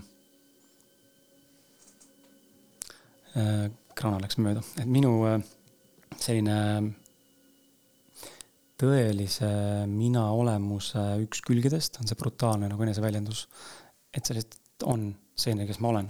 Ähm, ja, ja noh ja täna ma nagu näen ka seda, et äh, see võib-olla selline minu olemus anda saatejuhina, nagu ma olen, on see, mis aitab ka külalistel tuua välja seda, minna natuke sügavamale, et ma olen nagu näinud ja ma olen kuulnud päris palju äh, saate kuulajatelt.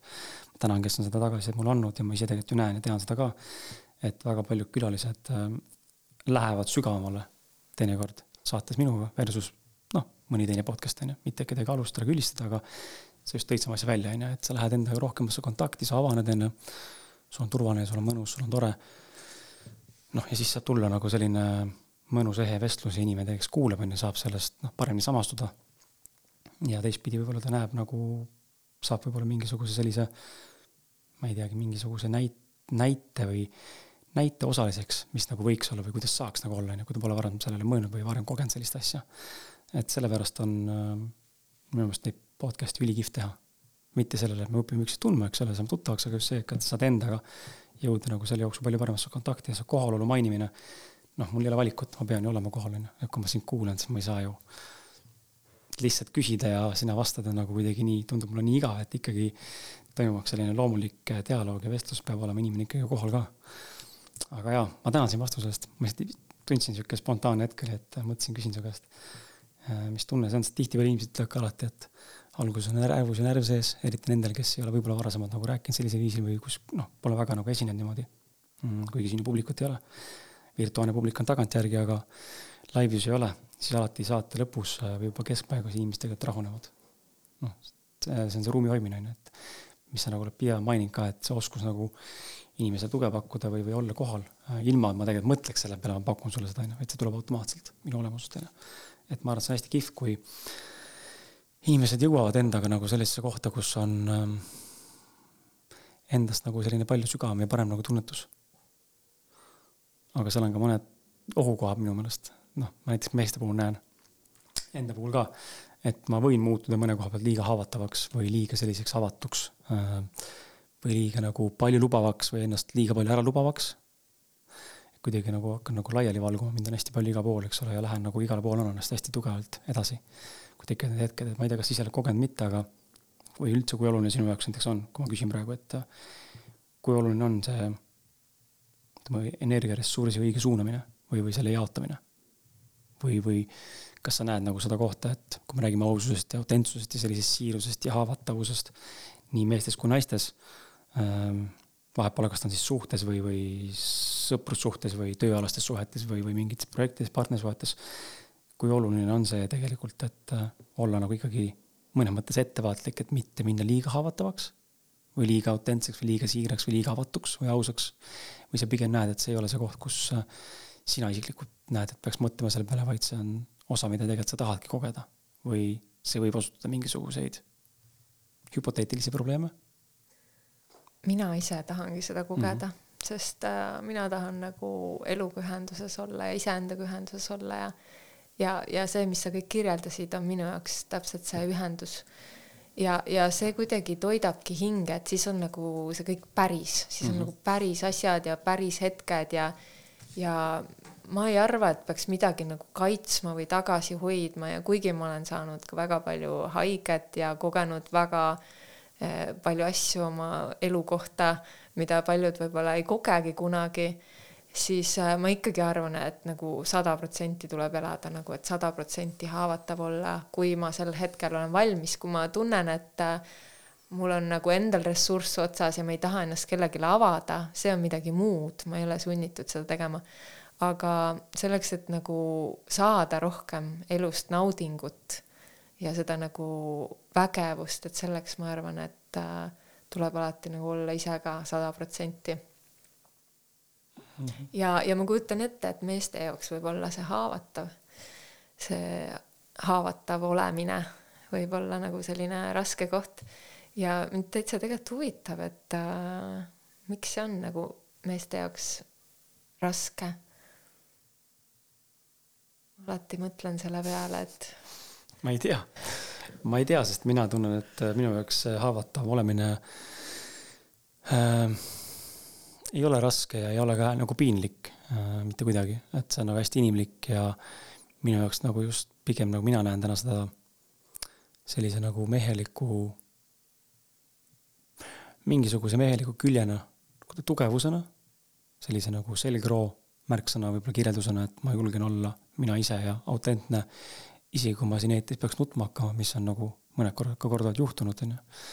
See on normaalne, see on okei okay., noh, nagu ka, kui see valmisolek on sel hetkel olla, onju, siis noh, ma lasen olla selle, mis ma olen praeguse hetkes, onju, ilma et peaks seda kinni sundima või kuidagi pärssima hakkama.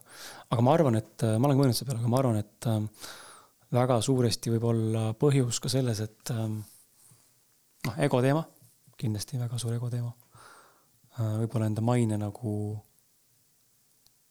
sihuke kartus rikkuda seda, võib-olla või näidata välja seda nõrkust, on ju, mehed ju peavad olema tugevad, on ju, et äh, teise lisasele ei saa ju tänaval alla jääda.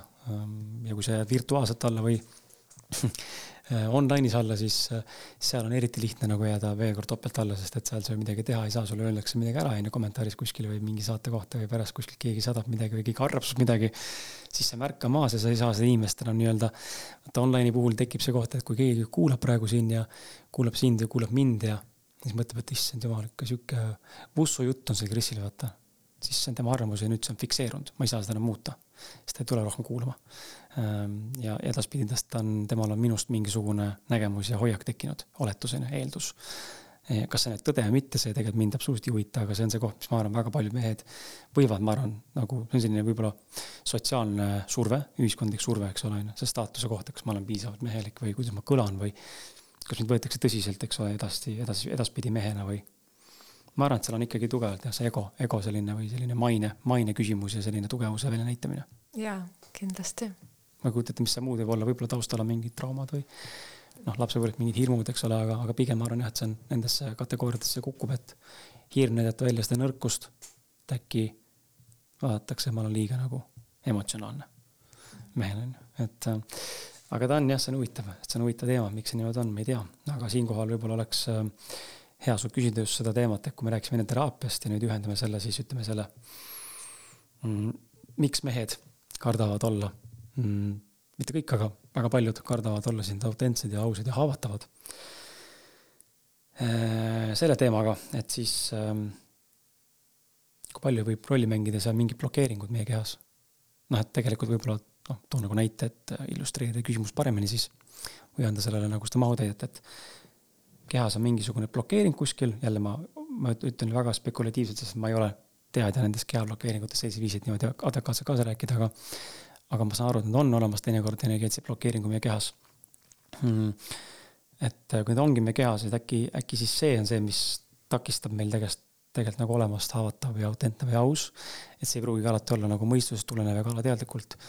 Mõtetest tulenev nii-öelda või ajust nii-öelda siis neuro, neuroloogiliselt tulenev põhjus, vaid see on vabalt kuidagi seotud hoopis keha biokeemiaga, on ju, et äh, kui palju sa nagu näed seda, et, äh, et see blokeeringute vabatamine, vabastamine energeetilistest või siis alateadlikest mustritest või varjukülgedest on koht, millega tegelikult peaks tegelema ja, ja, ja kas, millest need üldse tekivad, sellised sellised blokeeringud ja kuidas neid vabastada? Kindlasti on need seotud, et äh, nii nagu me rääkisime, et kui laps sünnib, et siis ta on täiesti puhas ja tal ei ole kõike seda, et siis läbi erinevate traumade või kohtumiste, mingite raskete kohtade äh, ta saab need oma kehasse ja, ja tõesti, et äh, ma arvan, see enesehoolitsus, oma kehaga tegelemine on nagu number üks, et mina nagu väga palju ressurssi, aega, raha kulutan sellele, et äh, mu kehal oleks hea sellepärast et äh, mina oma kehas näiteks tunnen ka seda, et, et neid mustreid on päris palju, äh, millel on tendents nagu minu sisse kinni jääda mm. -hmm. ja, ja see tähendab seda, et ma nagu pean rohkem nagu hoolitsema oma keha eest või märkama seda, et käima massaažis või mediteerima või tegema mingit praktikat, et, et nagu lahti saada. ja, ja siis on kohe halb olla, kui on midagi väga kinni, nii et sada protsenti see on seotud sellega, et meil on raske ka usaldada ja haavatav olla siis, kui meil on endal ju paha olla oma kehas. nii et äh, kindlasti sellega peaks tegelema. ja kui meestest rääkida, siis äh, meestel on tendents, ma arvan, ka vähem tegeleda oma kehaga kui äh, naistel. et ma arvan, meeste kehad vajaksid rohkem hoolt ka oma naiste poolt, on ju, puudutusi, õrnust et siis äh, ma olen näinud äh, oma suhtes, et siis saab tulla selline haavatavus ja armastus ja pehmus ka meestes rohkem esile mm. -hmm. et kui nad ei pea kogu aeg pukslema ja võitlema ja siin maailmas nagu tugevad olema, et nad, nad saavad vahepeal ka lõdvestuda, et nad on hoitud ja tunnevad pehmust. et mingil õhtul saavad siis langeda sellesse pehmusesse mm -hmm. selleks, et hommikul jälle võib-olla olla ja võidelda ja ma olen täitsa nõus, ma ise tunnen küll seda, et on äh, perioode, kus väga tahaks nagu sellist äh, hellust ja lihtsalt puudutust partneri poolt saada, et see ei peagi olema kuidagi üldse intiimselt seotud või seksuaalne akt, aga aga just nagu sihukest lihtsat puudutust. Äh, ja mulle meeldib, kuidas Epp Kärsin enda Instagramis jagas siin alles hiljuti ühte postitust, see on küll sihuke väga jäik, väga jäik ja väga nagu kindla struktuuriga mm, lause, aga see läheb selles mõttes kokku sellega, mis sa praegu räägid siin ja, ja seda saab muidugi lahata laiemalt ka, aga ta ütles väga huvitavalt, et panin ise muigama ja tegelikult nägin, et okei okay,, selles omajagu tõde on. et naised vajavad äh, emotsionaalset lähedust äh, ja kohalolu selleks, et olla intiimselt avatud ja mehed vajavad siis intiimset lähedust ja põhutust, et olla emotsionaalselt avatud. meil on nagu nii vastupidi ja see on mind pannud mõtlema, et huvitav, et miks see niimoodi on, miks see on niimoodi, me oleme nagu nii erinevad naise mehena. et noh, ja kui võtta see, see võrrand nagu arvesse, on ju, et naine peab olema emotsionaalselt avatud, et olla siis mehega äh, seksuaalselt avatud või täidetud nii-öelda ja mees vastupidi tahab siis saada enne piltlikult öeldes justkui nagu seksi onju ja siis ta on nagu naisega valmis olema emotsionaalselt olemas. muidugi mitte alati, aga, aga üleüldiselt näitena.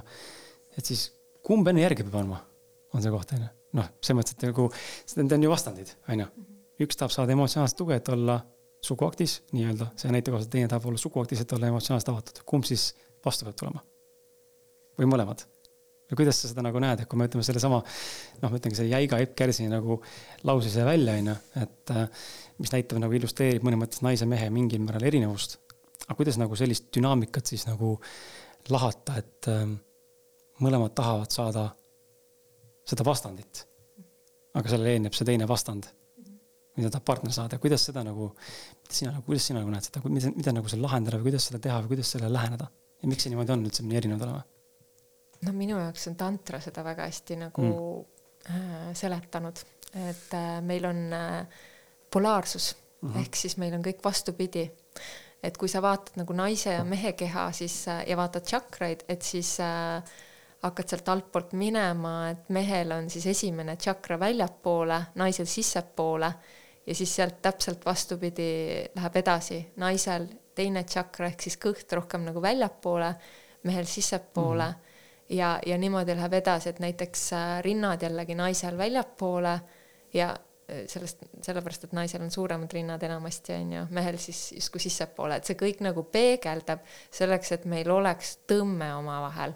ja, ja kui me oleks nagu mõlemad see emotsionaalselt siis äh, avanevad, siis see tõmme kaob ära et sellepärast see tõmme või polaarsus omavahel ongi, et me oleme erinevad ja need lähevad omavahel kokku, et paned siis selle sissepoole ja väljapoole kokku, ongi pluss ja miinus, on ju, ja tekibki tõmme.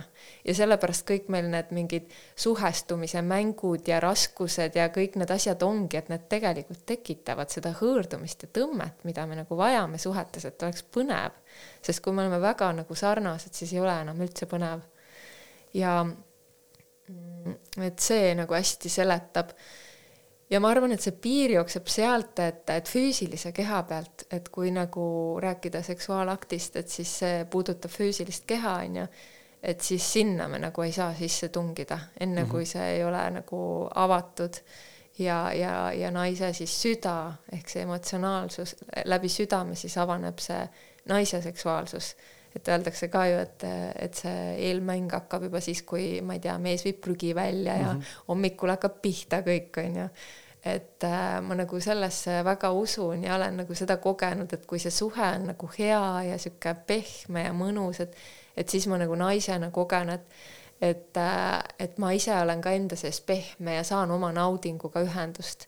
et muidu ei naudiks keegi kui naine on sihuke, tunneb ennast kandilisena ja ei voola nagu kõik, et mees ka ei saa sellest nii suurt naudingut.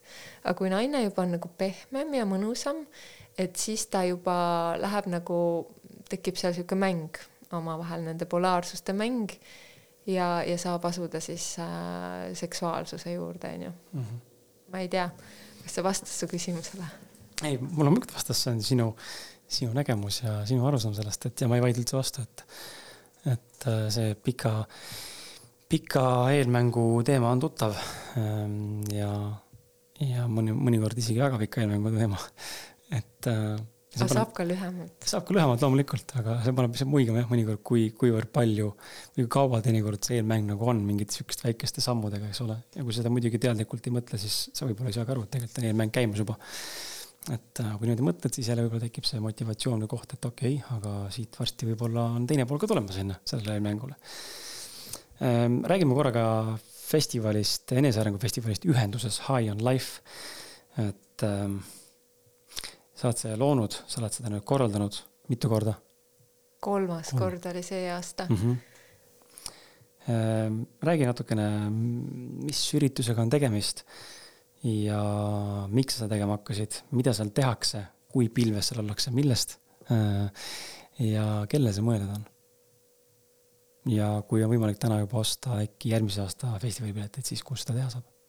ja siis, kui selle ära oleme vastanud, siis liigume ka korra suhete segmenti ja võtame sealt ka mõned küsimused ja siis hakkab vaikselt aeg läbi saama. jaa äh,, neljas aasta jookseb nüüd, ehk siis jah, piletid on juba Fientas olemas. aga see on täpselt seesama, mida me siin eelnevalt rääkisime, sellest suhestumisest ja sellest, et miski puudutab, et kui naine ja mees omavahel suhtlevad või, või sõbrad suhtlevad, et, et siis sa tunned nagu sellist äh, pisarat silmis või ühendust et äh, ma arvan, see ühendusfestival ongi nagu see, mis aitab meil luua selliseid sügavamaid suhteid, autentsemaid suhteid. et nagu saaks sellesama oskusega minna koju, et olla rohkem autentsem ja, ja ollagi kõigis oma suhetes rohkem mina ise, omada mingisuguseid äh, tööriistu, millega nagu selle iseendani jõuda, kuidas jääda iseendaks ja kuidas nagu luua neid ilusaid hetki oma ellu, luua ühendust oma ellu. kas ta on mõeldud paaridele või? ei, ta on mõeldud kõigile okay nii paaridele kui äh, üksikutele ja kõigile-kõigile ja ka selleks, et kohtuda mhm. seal mm, -hmm. et kohtuda nende inimestega, kes tegelikult ka on huvitatud teadlikumalt äh, elama ja, ja suhestuma ja sügavamale minema, et äh, seal me läheme kõik koos sügavamale läbi erinevate praktikate ja asjade ja, ja tõuseme koos, et see on nagu väga maagiline, kuidas seal tekib selline äh, miks mulle meeldib see, ma nagu enne seda ei olnud käinud mitte ühelgi festivalil, ma teadlikult hoidsin eemale, seepärast et ma olen suht tundlik ja, ja ma tundsin, et äh, ma hoian eemale. aga siis ma sain nagu aru, et selles kokkutulemises on mingi selline võimendus, et me kõik saame nagu palju kiiremini oma asjadele ligi. Ja, ja see on nii hirmutav ka, tulla kõigi nende inimestega kokku ja avada ennast ja samal ajal on see nagu nii haavatav ja, ja nagu nii võimas ja nii päris. et, äh, et ma arvan, et see võimenduse koht on äge, et me saame nagu iseennast kogeda seal nagu päriselt sellena, kes me oleme, näha kõike nagu, mis on need minu takistajad, sotsiaalsed hirmud ja, ja teemad ja nendega tegeleda mm. -hmm. ja, ja jõuda siis sellesse armastusse, et me tegelikult kõik oleme nagu kuidagi ühenduses või toetame üksteist ja me saame sealt seda tuge ka vastu võtta, et me oleme hoitud või kuidagi, et ma ei pea neid teisi vaatama, et vot see on mingi teine ja ta on nagu midagi muud, vaid et me oleme nagu tegelikult samad ka samaaegselt. ma ei ole ka ühelgi ähm, sellisel festivalil käinud, pean seda tunnistama. üldse pole sihuke inimene. järgmine aasta siis äkki tuled ei julge lubada sulle, vot ei julge lubada, sest ma olen äh, nii väga, kui ma ei taha, ka eelarvamustega selliste ürituste osas. Äh, ja väga tugevalt ja nüüd see on koht, kus võib-olla peab tegelema sellega või siis vastupidi, aru saama, et võib-olla see ei olegi mulle selline väljund sellisel viisil või sellises äh, kohas. aga mul väga tugevalt nagu tunnen, et ei kõneta, ta ei kutsu noh. mul kuidagi ei kutsu ja pigem tekib selline, tülgastus on nagu vale öelda, aga tekib selline nagu võib-olla nagu ebameeldiv tunne enda sisse, et nagu ma ei taha vastik natukene. Äh, ja ma olen aastatega nagu märganud ka seda, et kui varasemalt ma olin, ütleme seal koolieas olin sihuke klassikloun ja esinemisega pole kunagi probleeme olnud, vahet pole, kui suur mass seal, seal justkui pealt kuulmas, vaatamas on.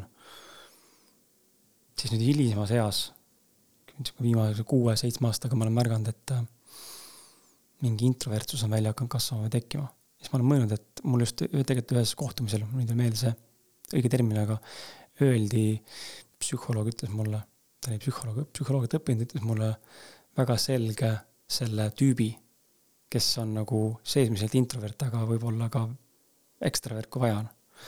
ja mul ongi niimoodi, ma näen, et see ekstravertsus on selline mitte õpitud, ta on minus olemas, aga noh, ma panen ta käima lihtsalt, eks ole, see, kui vaja on ja siis, kui ma tegelikult vaja ei ole, siis ta lülitab ennast välja, ma tahaksin mitte inimestega kohtuda, mitte inimestega rääkida. Ma ei tahaks kuskil olla koos, kus on palju inimesi.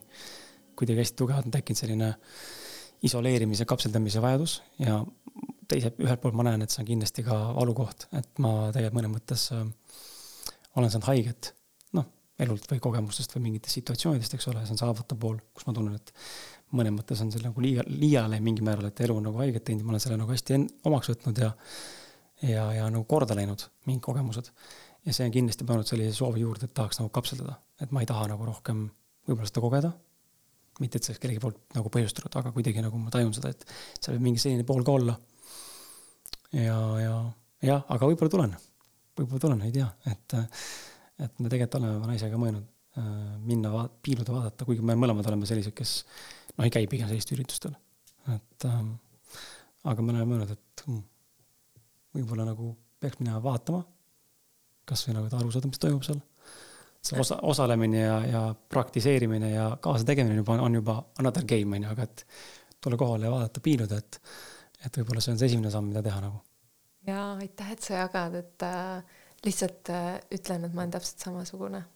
et must äh, võib jääda mulje, et ma olen tohutu ekstravert ja, ja ma lüütan ka sisse ja välja ennast ja, ja ma arvan, minus on mõlemat aga ma olen ka circling'u äh, selline praktik, kes äh, siis praktiseerib seda ja circling us mulle meeldib nagu see, et seal öeldakse, et okei okay,, et äh, et nagu ole sellega, aga siis ikkagi mine sellega või et nagu kehasta seda, et ole siis selles, et et ma tahan nagu olla omaette ja, ja ma lähen sellega ikkagi nagu teiste äh, keskele ja võtan selle vastu, luban endal olla, et ma ei pane siis endal mingit maski peale, et ma hakkan nüüd siis teiste keskel mm -hmm. olles käituma teistmoodi, vaid jään iseendaks. et ei suhtlegi võib-olla või tõmbun eemale või ütlen, et siin on minu piir. ja ma olen isegi selle nagu korraldajana seda nagu katsetanud, et nagu täiesti jääda autentneks ka seal inimeste hulgas, et vaatan, kui palju ma kaotan ennast ära, et mingil aastal olen täiesti ära ennast kaotanud näiteks. ja sel aastal õnnestus ideaalselt, et ma võtsin endale täpselt seda ruumi, tegin neid asju, mida oli vaja, olin täpselt selline, nagu ma olen.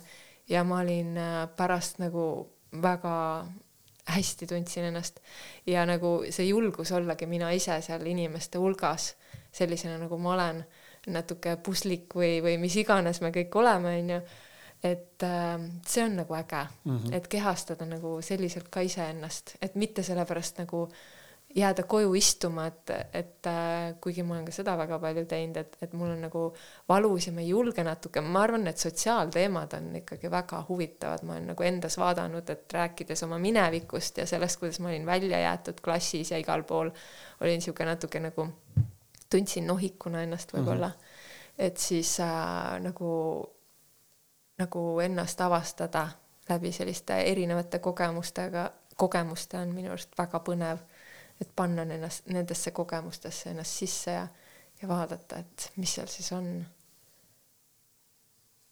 aga suhted? no vot, head äh, saatekuulajad, et äh, kõik koos äh, uuel aastal siis ühenduses festivalile, millal see toimub? Juuli keskel. okei okay,, no vot suve keskel on hea aeg minna ka, siis on sihuke pool suve ees ja, ja kui seal äh, äh peaks midagi olema sellist, mis mingi põhjusel sulle ei meeldi, siis saad ennast ülejäänud pool suve ära kapseldada veel, et, et aega on ennast äh, turgutada nii-öelda, aga okei okay. äh,.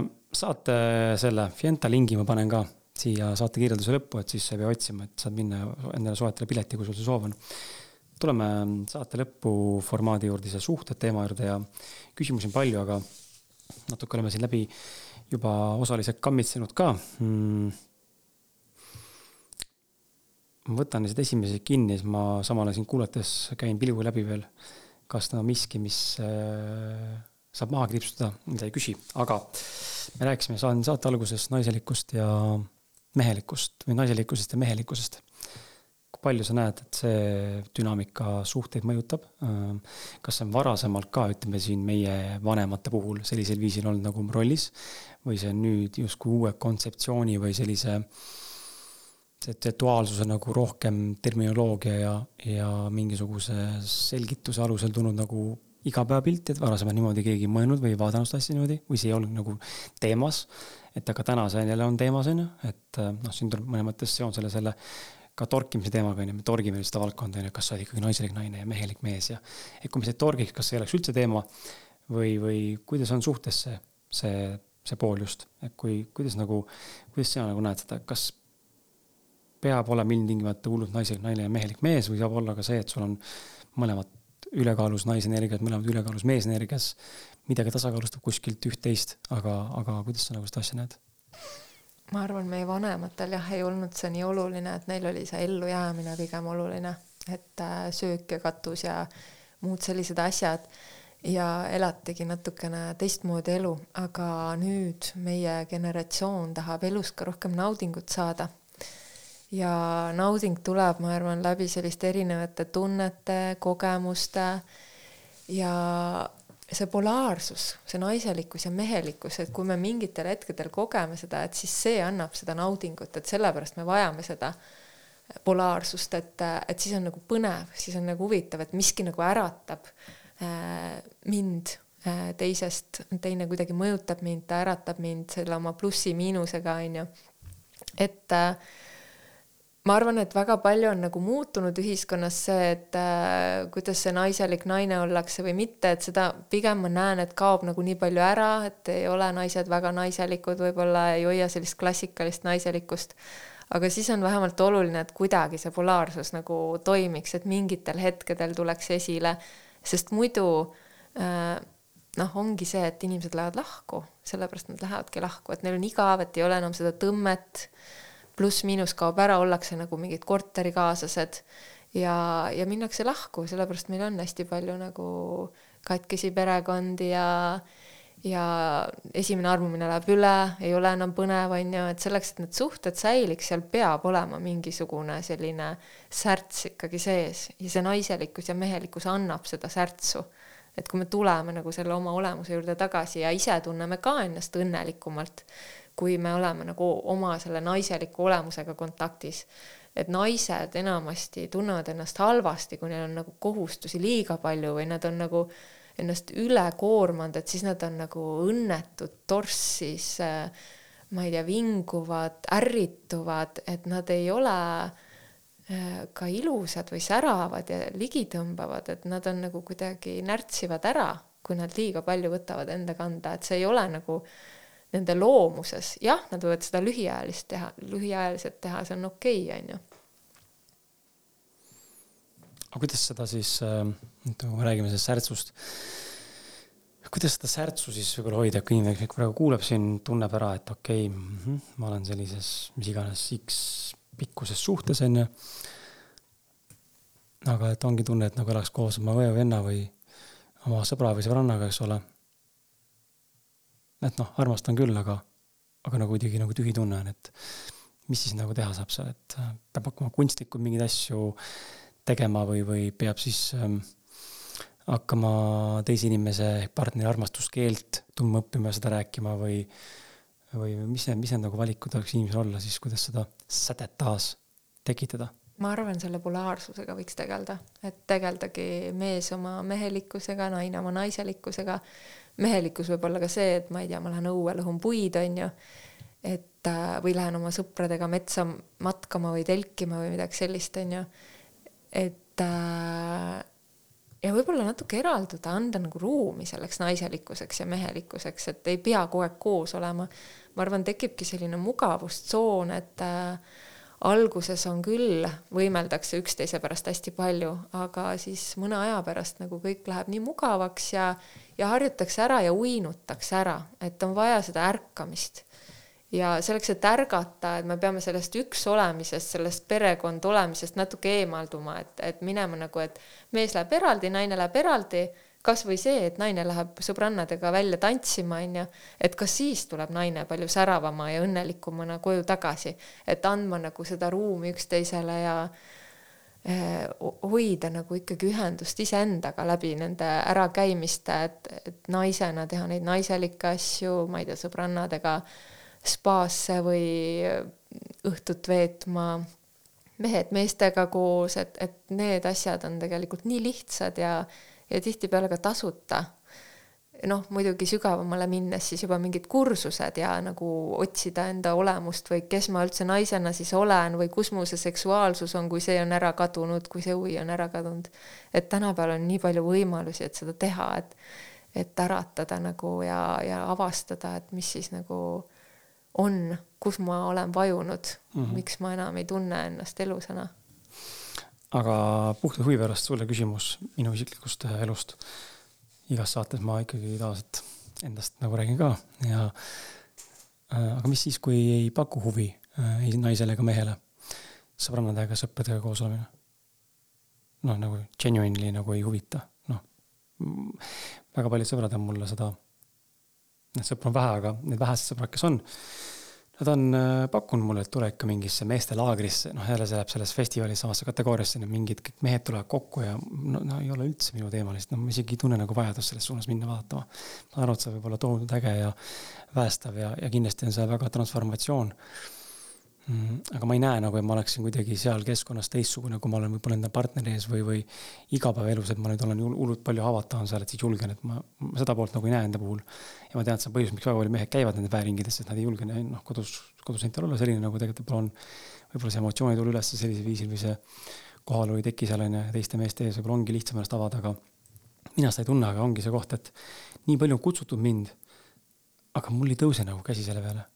jess, ma nüüd tulen hullult entukalt lähen, ei, ma tahaks oma naisega koos olla ja koos teha midagi, võtta oma laps kaasa, minna. või aja, või ajada oma asju, onju, minna nagu nii-öelda. praegu ongi see etapp mul käima hakkamas siin, vaikselt kogub hoogu mm,. sihuke munga, munga etapp hakkab koopasse minek, et on omad, omad, noh, väga kindlalt mingite asjade nimel järgmised sihuke pool aastat, kaheksa kuud oma asjade tegemine, mingid omad rutiinid, omad mingid hommikuasjad, omad harjumused, eks ole. Viia toitumine paremasse kohta, nii edasi, et keskenduda endale ja oma suhtele ja oma lapsele on ju, iseendale. ja, ja mitte midagi muud välist teha, on ju, et see on nagu minu nagu tundub mulle praegu hästi sihuke mõnus, et tahaks nagu teha, aga. kas see on siis vale või noh, ei saa olla vale õige, eks ole, aga et mida, mida, mida sina nagu arvad, mis, mis võib olla see põhjus ja kindlasti ma ei ole ainukene mees, kes niimoodi tunneb, et neid on veel, ma usun ja kindlasti on teisi põhjuseid ka, miks mehed ei taha võib-olla teiste meestega koos olla niimoodi, aga mul ei ole päriselt sellist sügavat nagu soovi olla sõpradega sellisel viisil koos mm. -hmm. Ja ma olen suhelnud oma ühe teise sõbraga veel, kellega väga tihti suhtleme räägime ja ta on minust kümme aastat vanem ja ja kui seda kuuleb, siis tunneb ennast ära.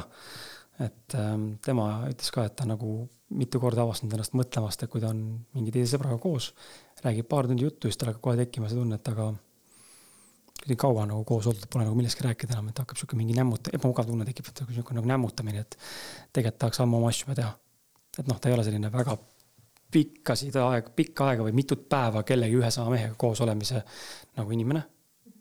ja ma nagu saan tast aru, ma nagu samamoodi, see on, see on tekkinud ajaga, mul vanasti ikka käisid sõpradega ja rääkisid noorena igapäeva maailma asjadest ja sihuke chit-chat käis, eks ole, pläkutamine meeste kombel, aga täna ma tunnen, et nagu there is no need ma saan oma naise käest selle sotsiaalsuse kätte nii-öelda. ma ei tea, kas see on õige või vale, aga mis sina nagu oskad selle koha pealt öelda või kuidas sa seda näed või miks see niimoodi võib olla, et, et on inimesi, keda üldse näiteks ei tõmba, et kas siis nende jaoks ongi noh, mis, mis, mis see väljund nende jaoks siis on sellisel juhul, kui nad on nii paarina kokku kasvanud või, või tahavad koos olla, aga samal ajal võib-olla, ma ei tea, tunnevad ka, et kuidagi on igav või noh -hmm., neid stsenaariume palju, eks ole, aga natuke andsin back story't sulle, et jaa, väga hea, et äh, tegelikult meestel ei olegi omane niimoodi koos käia sellistes ringides, et see on hästi naiselik. naised vajavad seda mm -hmm. kogukonda, et tulla kokku ja pläkutada ja see on nende nagu stressimaandus.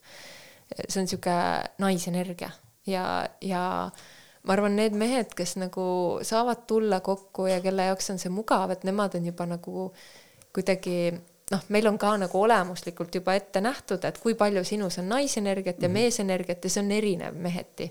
et mõnel mehel ongi antud seda rohkem, seda naisenergiat ja neile sobib see ringis olemine ja mõnel mehel on antud vähem seda ja tal on vähem sõpru ja ta ei tahagi täpselt nii, nagu sa kirjeldasid. et siis äh, sobibki väga hästi see koopas olemine, täpselt see, et nagu ma teen oma sisemist inquiry't on ju, või vaatan enda sissepoole et, et mis ma praegu tahan, mis mu eesmärgid on, mis mul tähtis on, see on väga mehelik. et ma arvan, et äh, see on vägagi ühendus oma siukse mehelikkusega. aga jah, et kui nagu paari suhtes, siis on nagu see, et, et ollakse nagu koos ja ja, ja ei tahagi väga palju või ei ole aega näiteks, et äh, minna igale poole väljapoole ja tuua veel mingit sõpru sisse või ei ole huvi selleks, et, et äh, siis samamoodi tegelikult on võimalik minna sügavamale äh, läbi selle, et võtta sellist nagu ruumi võib-olla, et istuda üksteisega, siis äh, äh, mulle meeldivad äh, oma kaaslasega sellised äh, tehommikud, kus me nagu võib-olla tund-kaks joome teed ja nagu anname üksteisele nagu ruumi, et, et ma nagu ei sega sind ja siis sa nagu räägid kõike ja, ja siis vastupidi.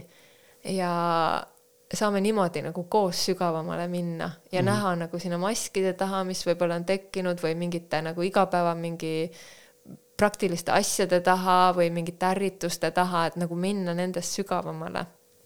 et, et ma arvan, et see võib-olla on selline minu nagu hea praktika, mis mind nagu hästi aitab, et kui ma neid hetki võtan, ma väga vajan seda, et see kuidagi puhastab selle igapäeva siukse olme ära et see olme läheb eest ära, et me saame selle välja rääkida ja, ja jõuda siis, ma ei tea, unistusteni, soovideni või kuhu iganes keegi tahab jõuda mm. -hmm. et võtta selliseid hetki, kus ma ei tea, võib-olla last ka ei ole ja, ja saab nagu kahekesi olla ja, ja siis on kõik avatud, et mingit eesmärki ei ole, midagi ei pea sündima, kuskile ei pea jõudma, aga et nagu kõik saab hingelt ära rääkida, et, et see on niisugune avatud mikker ja keegi mm -hmm. ei sega vahele ja keegi ei hinda ja, ja teiselt poolt ka siis avatud mikker, võib-olla on mingeid etteheiteid isegi, mida saab siis äh, välja rääkida lõpuks ometi. ja need on ka vastu võetud, et võib-olla sa teed seda igapäevaselt, aga mulle väga meeldib selline asi näiteks. sa andsid hea idee äh, kuulajatele või iseendale, et tee podcast nimega Avatud mikker äh, seda ei ole veel kusjuures, aga minu meelest, aga, aga jaa, ma tänan sind nende mõtete eest, et ma olen nagu täitsa nõus, et inimesed on erinevad ja ja tihtipeale noh, see on, see on see tei, endaga teiste, teistega enda võrdlemine erinevates nagu stsenaariumites ja, ja tingimustes ja kontekstis, et see, mis ma just tegelikult rääkisin, ma tegelikult võrdlesin ennast teistega ja, ja, ja see on see koht, kus ma olen hakanud mõtlema, et aga okei okay,, või noh, minul on see mõte olnud ja kindlasti paljudel on sama mõte tekib sisse erinevate teemadega, kas ma siis nagu olen vale või? kõik käivad mingites väeringides on ju, kõik käivad koos ja see on nii normaalne ja nii trendikas ja popp ja see tundub justkui aitab, läheb paremaks, aga need mul ei ole tõmmet, et kas ma siis nagu olen vale või? et see on see FOMO vaata ja ma, mul jääb midagi tegemata nüüd ja mm, okei okay,, olgu see siis, see siis nii-öelda see tagajärg on ju, ma olen siis koopas ja mul jääb siis saavutamata on ju. et aga tegelikult ei pea olema niimoodi, et äh, inimene, me oleme ikkagi üsna nagu ikkagi individuaalsed, erinevad äh, ja unikaalsed. ja iga suhe on nagu ikkagi noh, fundamentaalselt ikka nagu väga erinevad, et äh, ma usun, et seal on ikka küsimus sulle, võib-olla selline viimane küsimus, et äh, et kui iga suhe on mõne mõttes erinev ja loomulikult me näeme mingites suhetes ka sarnaseid mustreid, dünaamikaid ja käitumismalle, eks ole, mis on õpitud või ühiskondlikult kuidagi üle võetud. või lihtsalt natuurilt on nad meile omased ja, ja ühtivad. siis kas usud, et on olemas ikkagi universaalsed põhimõtted äh, tervislike ja jätkusuutlike ja armastavate suhete loomisel või on ka seal niimoodi raske nagu sildistada, et noh, a la ma ei, ma ei teagi, noh. naisele peab tegema komplimente, ust avama ja prügi välja viima ja puid lõhkuma, siis need on ühed nagu kohad, mis näitavad, et mees hoolib või see ei ole alati nii mustvalge. kuidas sina nagu seda poolt näed? kui sa vaatad nagu tervikult enda suhet, võib-olla oma erinevaid suhteid, äh, üleüldiselt seda, kas on mingid sellised universaalsed põhimõtted või, või väärtused, mida sa tahaksid äh, täna siin viimase küsimuse juures välja tuua, mis aitaks inimestel, kes täna on suhtes, enda suhet äh, võib-olla kas siis järgmise tasemele viia või, või siis hoida seda leeki põlevana või meelde tuletada, mis tegelikult on oluline, mis tegelikult töötab alati. no matter what. ma oma elu vaadates, oma suhteid vaadates äh, arvan, et äh, ei ole võimalik, et on sellised äh, kindlad tõekspidamised või asjad, mis äh, peavad alati nii olema, et kui meil mm -hmm. need on, siis vastupidi elu tuleb ja teeb selle kuidagi üks-null sellele ja, ja see ei toimi, et kui me tahame nendest kinni hoida, et ma näen näiteks oma mingite sõbrannade puhul, kui keegi tahab väita, et vot, mees peab nii, siis igal juhul juhtub nii, et mees ei tee nii ja, ja ta kannatab, et need loovad ainult kannatusi. et ainult nagu kolm asja, ma arvan, mis võiks olla, on austus, armastus ja vabadus. Äh, ja kui need asjad on nagu olemas ja paigas, et äh, siis nagu peaks olema suhtes nagu hea olla, et on teise vastu austus, et ma austan teda, võtan teda nii, nagu ta on, ei proovi teda muuta, austan tema elu, soove, valikuid, võtan ta nii vastu. armastus, olen tema suhtes armastav, äh, hea, hooliv. Ja vabadus, luban tal olla nii, nagu ta on, annan talle ruumi, ei, äh, see, et me suhtes oleme, see ei kohusta nagu teda olema kuidagi või mind olema mm -hmm. midagi. ma arvan, need on äh, head mõtted mm, -hmm. millega tänasele saatele piir tõmmata. Ähm, tund viiskümmend neli on äh, läinud aeg, ma ei tea, kuidas sulle tundub, aga mina ei tunne, et oleks kaks tundi siin vesteldud. aeg on läinud üllatavalt kiiresti ja tavaliselt ta läheb ka, kui niimoodi kohal olla. Äh, kohalolus ju ajataju väidetavalt siis kaob, on ju, seda on tavaliselt tunda ka. Ähm, kuidas sulle tundub, Merlis, ähm, kuidas saade sai? ma arvan, et väga hea, et aga veel paar tundi võiks rääkida et siis, hakkab just, äh, hakkab just põnevaks minema. siis äh, tuleb kuulajatele anda see väike palve, et kui teile see saade meeldib, siis ole hea, anna mulle või Merliisile sellest märku ja jaga seda sotsiaalmeedias ähm, ja too üks uus kuulaja, äh, just nimelt uus kuulaja, kes ei ole varem siis äh, minu podcast'i kuulanud või pole varem näiteks Merliisi kohta midagi kuulnud äh, või tema tegemist midagi kuulnud, et ta on üks uus inimene ja, ja kui seal on piisavalt palju feedback'i, tagasisidet, siis selles osas, et tahate saada veel sellist vestlust, siis annage julgelt teada ja, ja äkki õnnestub mul äh, Merliis ära veenda, et äh, Vol kaks teha. jätan selle mõtte õhku siia, olen alati, alati aldis ja valmis suhtlema ja tegema saateid inimestega, kellega on põnev vestelda. meil on ilmselgelt dünaamika, äh, töötab duona ja võiksime siin vestelda nende teemade veel ja veel ja veel. ma tänan sind selle kahetunnise sügava, mõnusa, rahuliku vestluse eest ilus oli kuulata sind.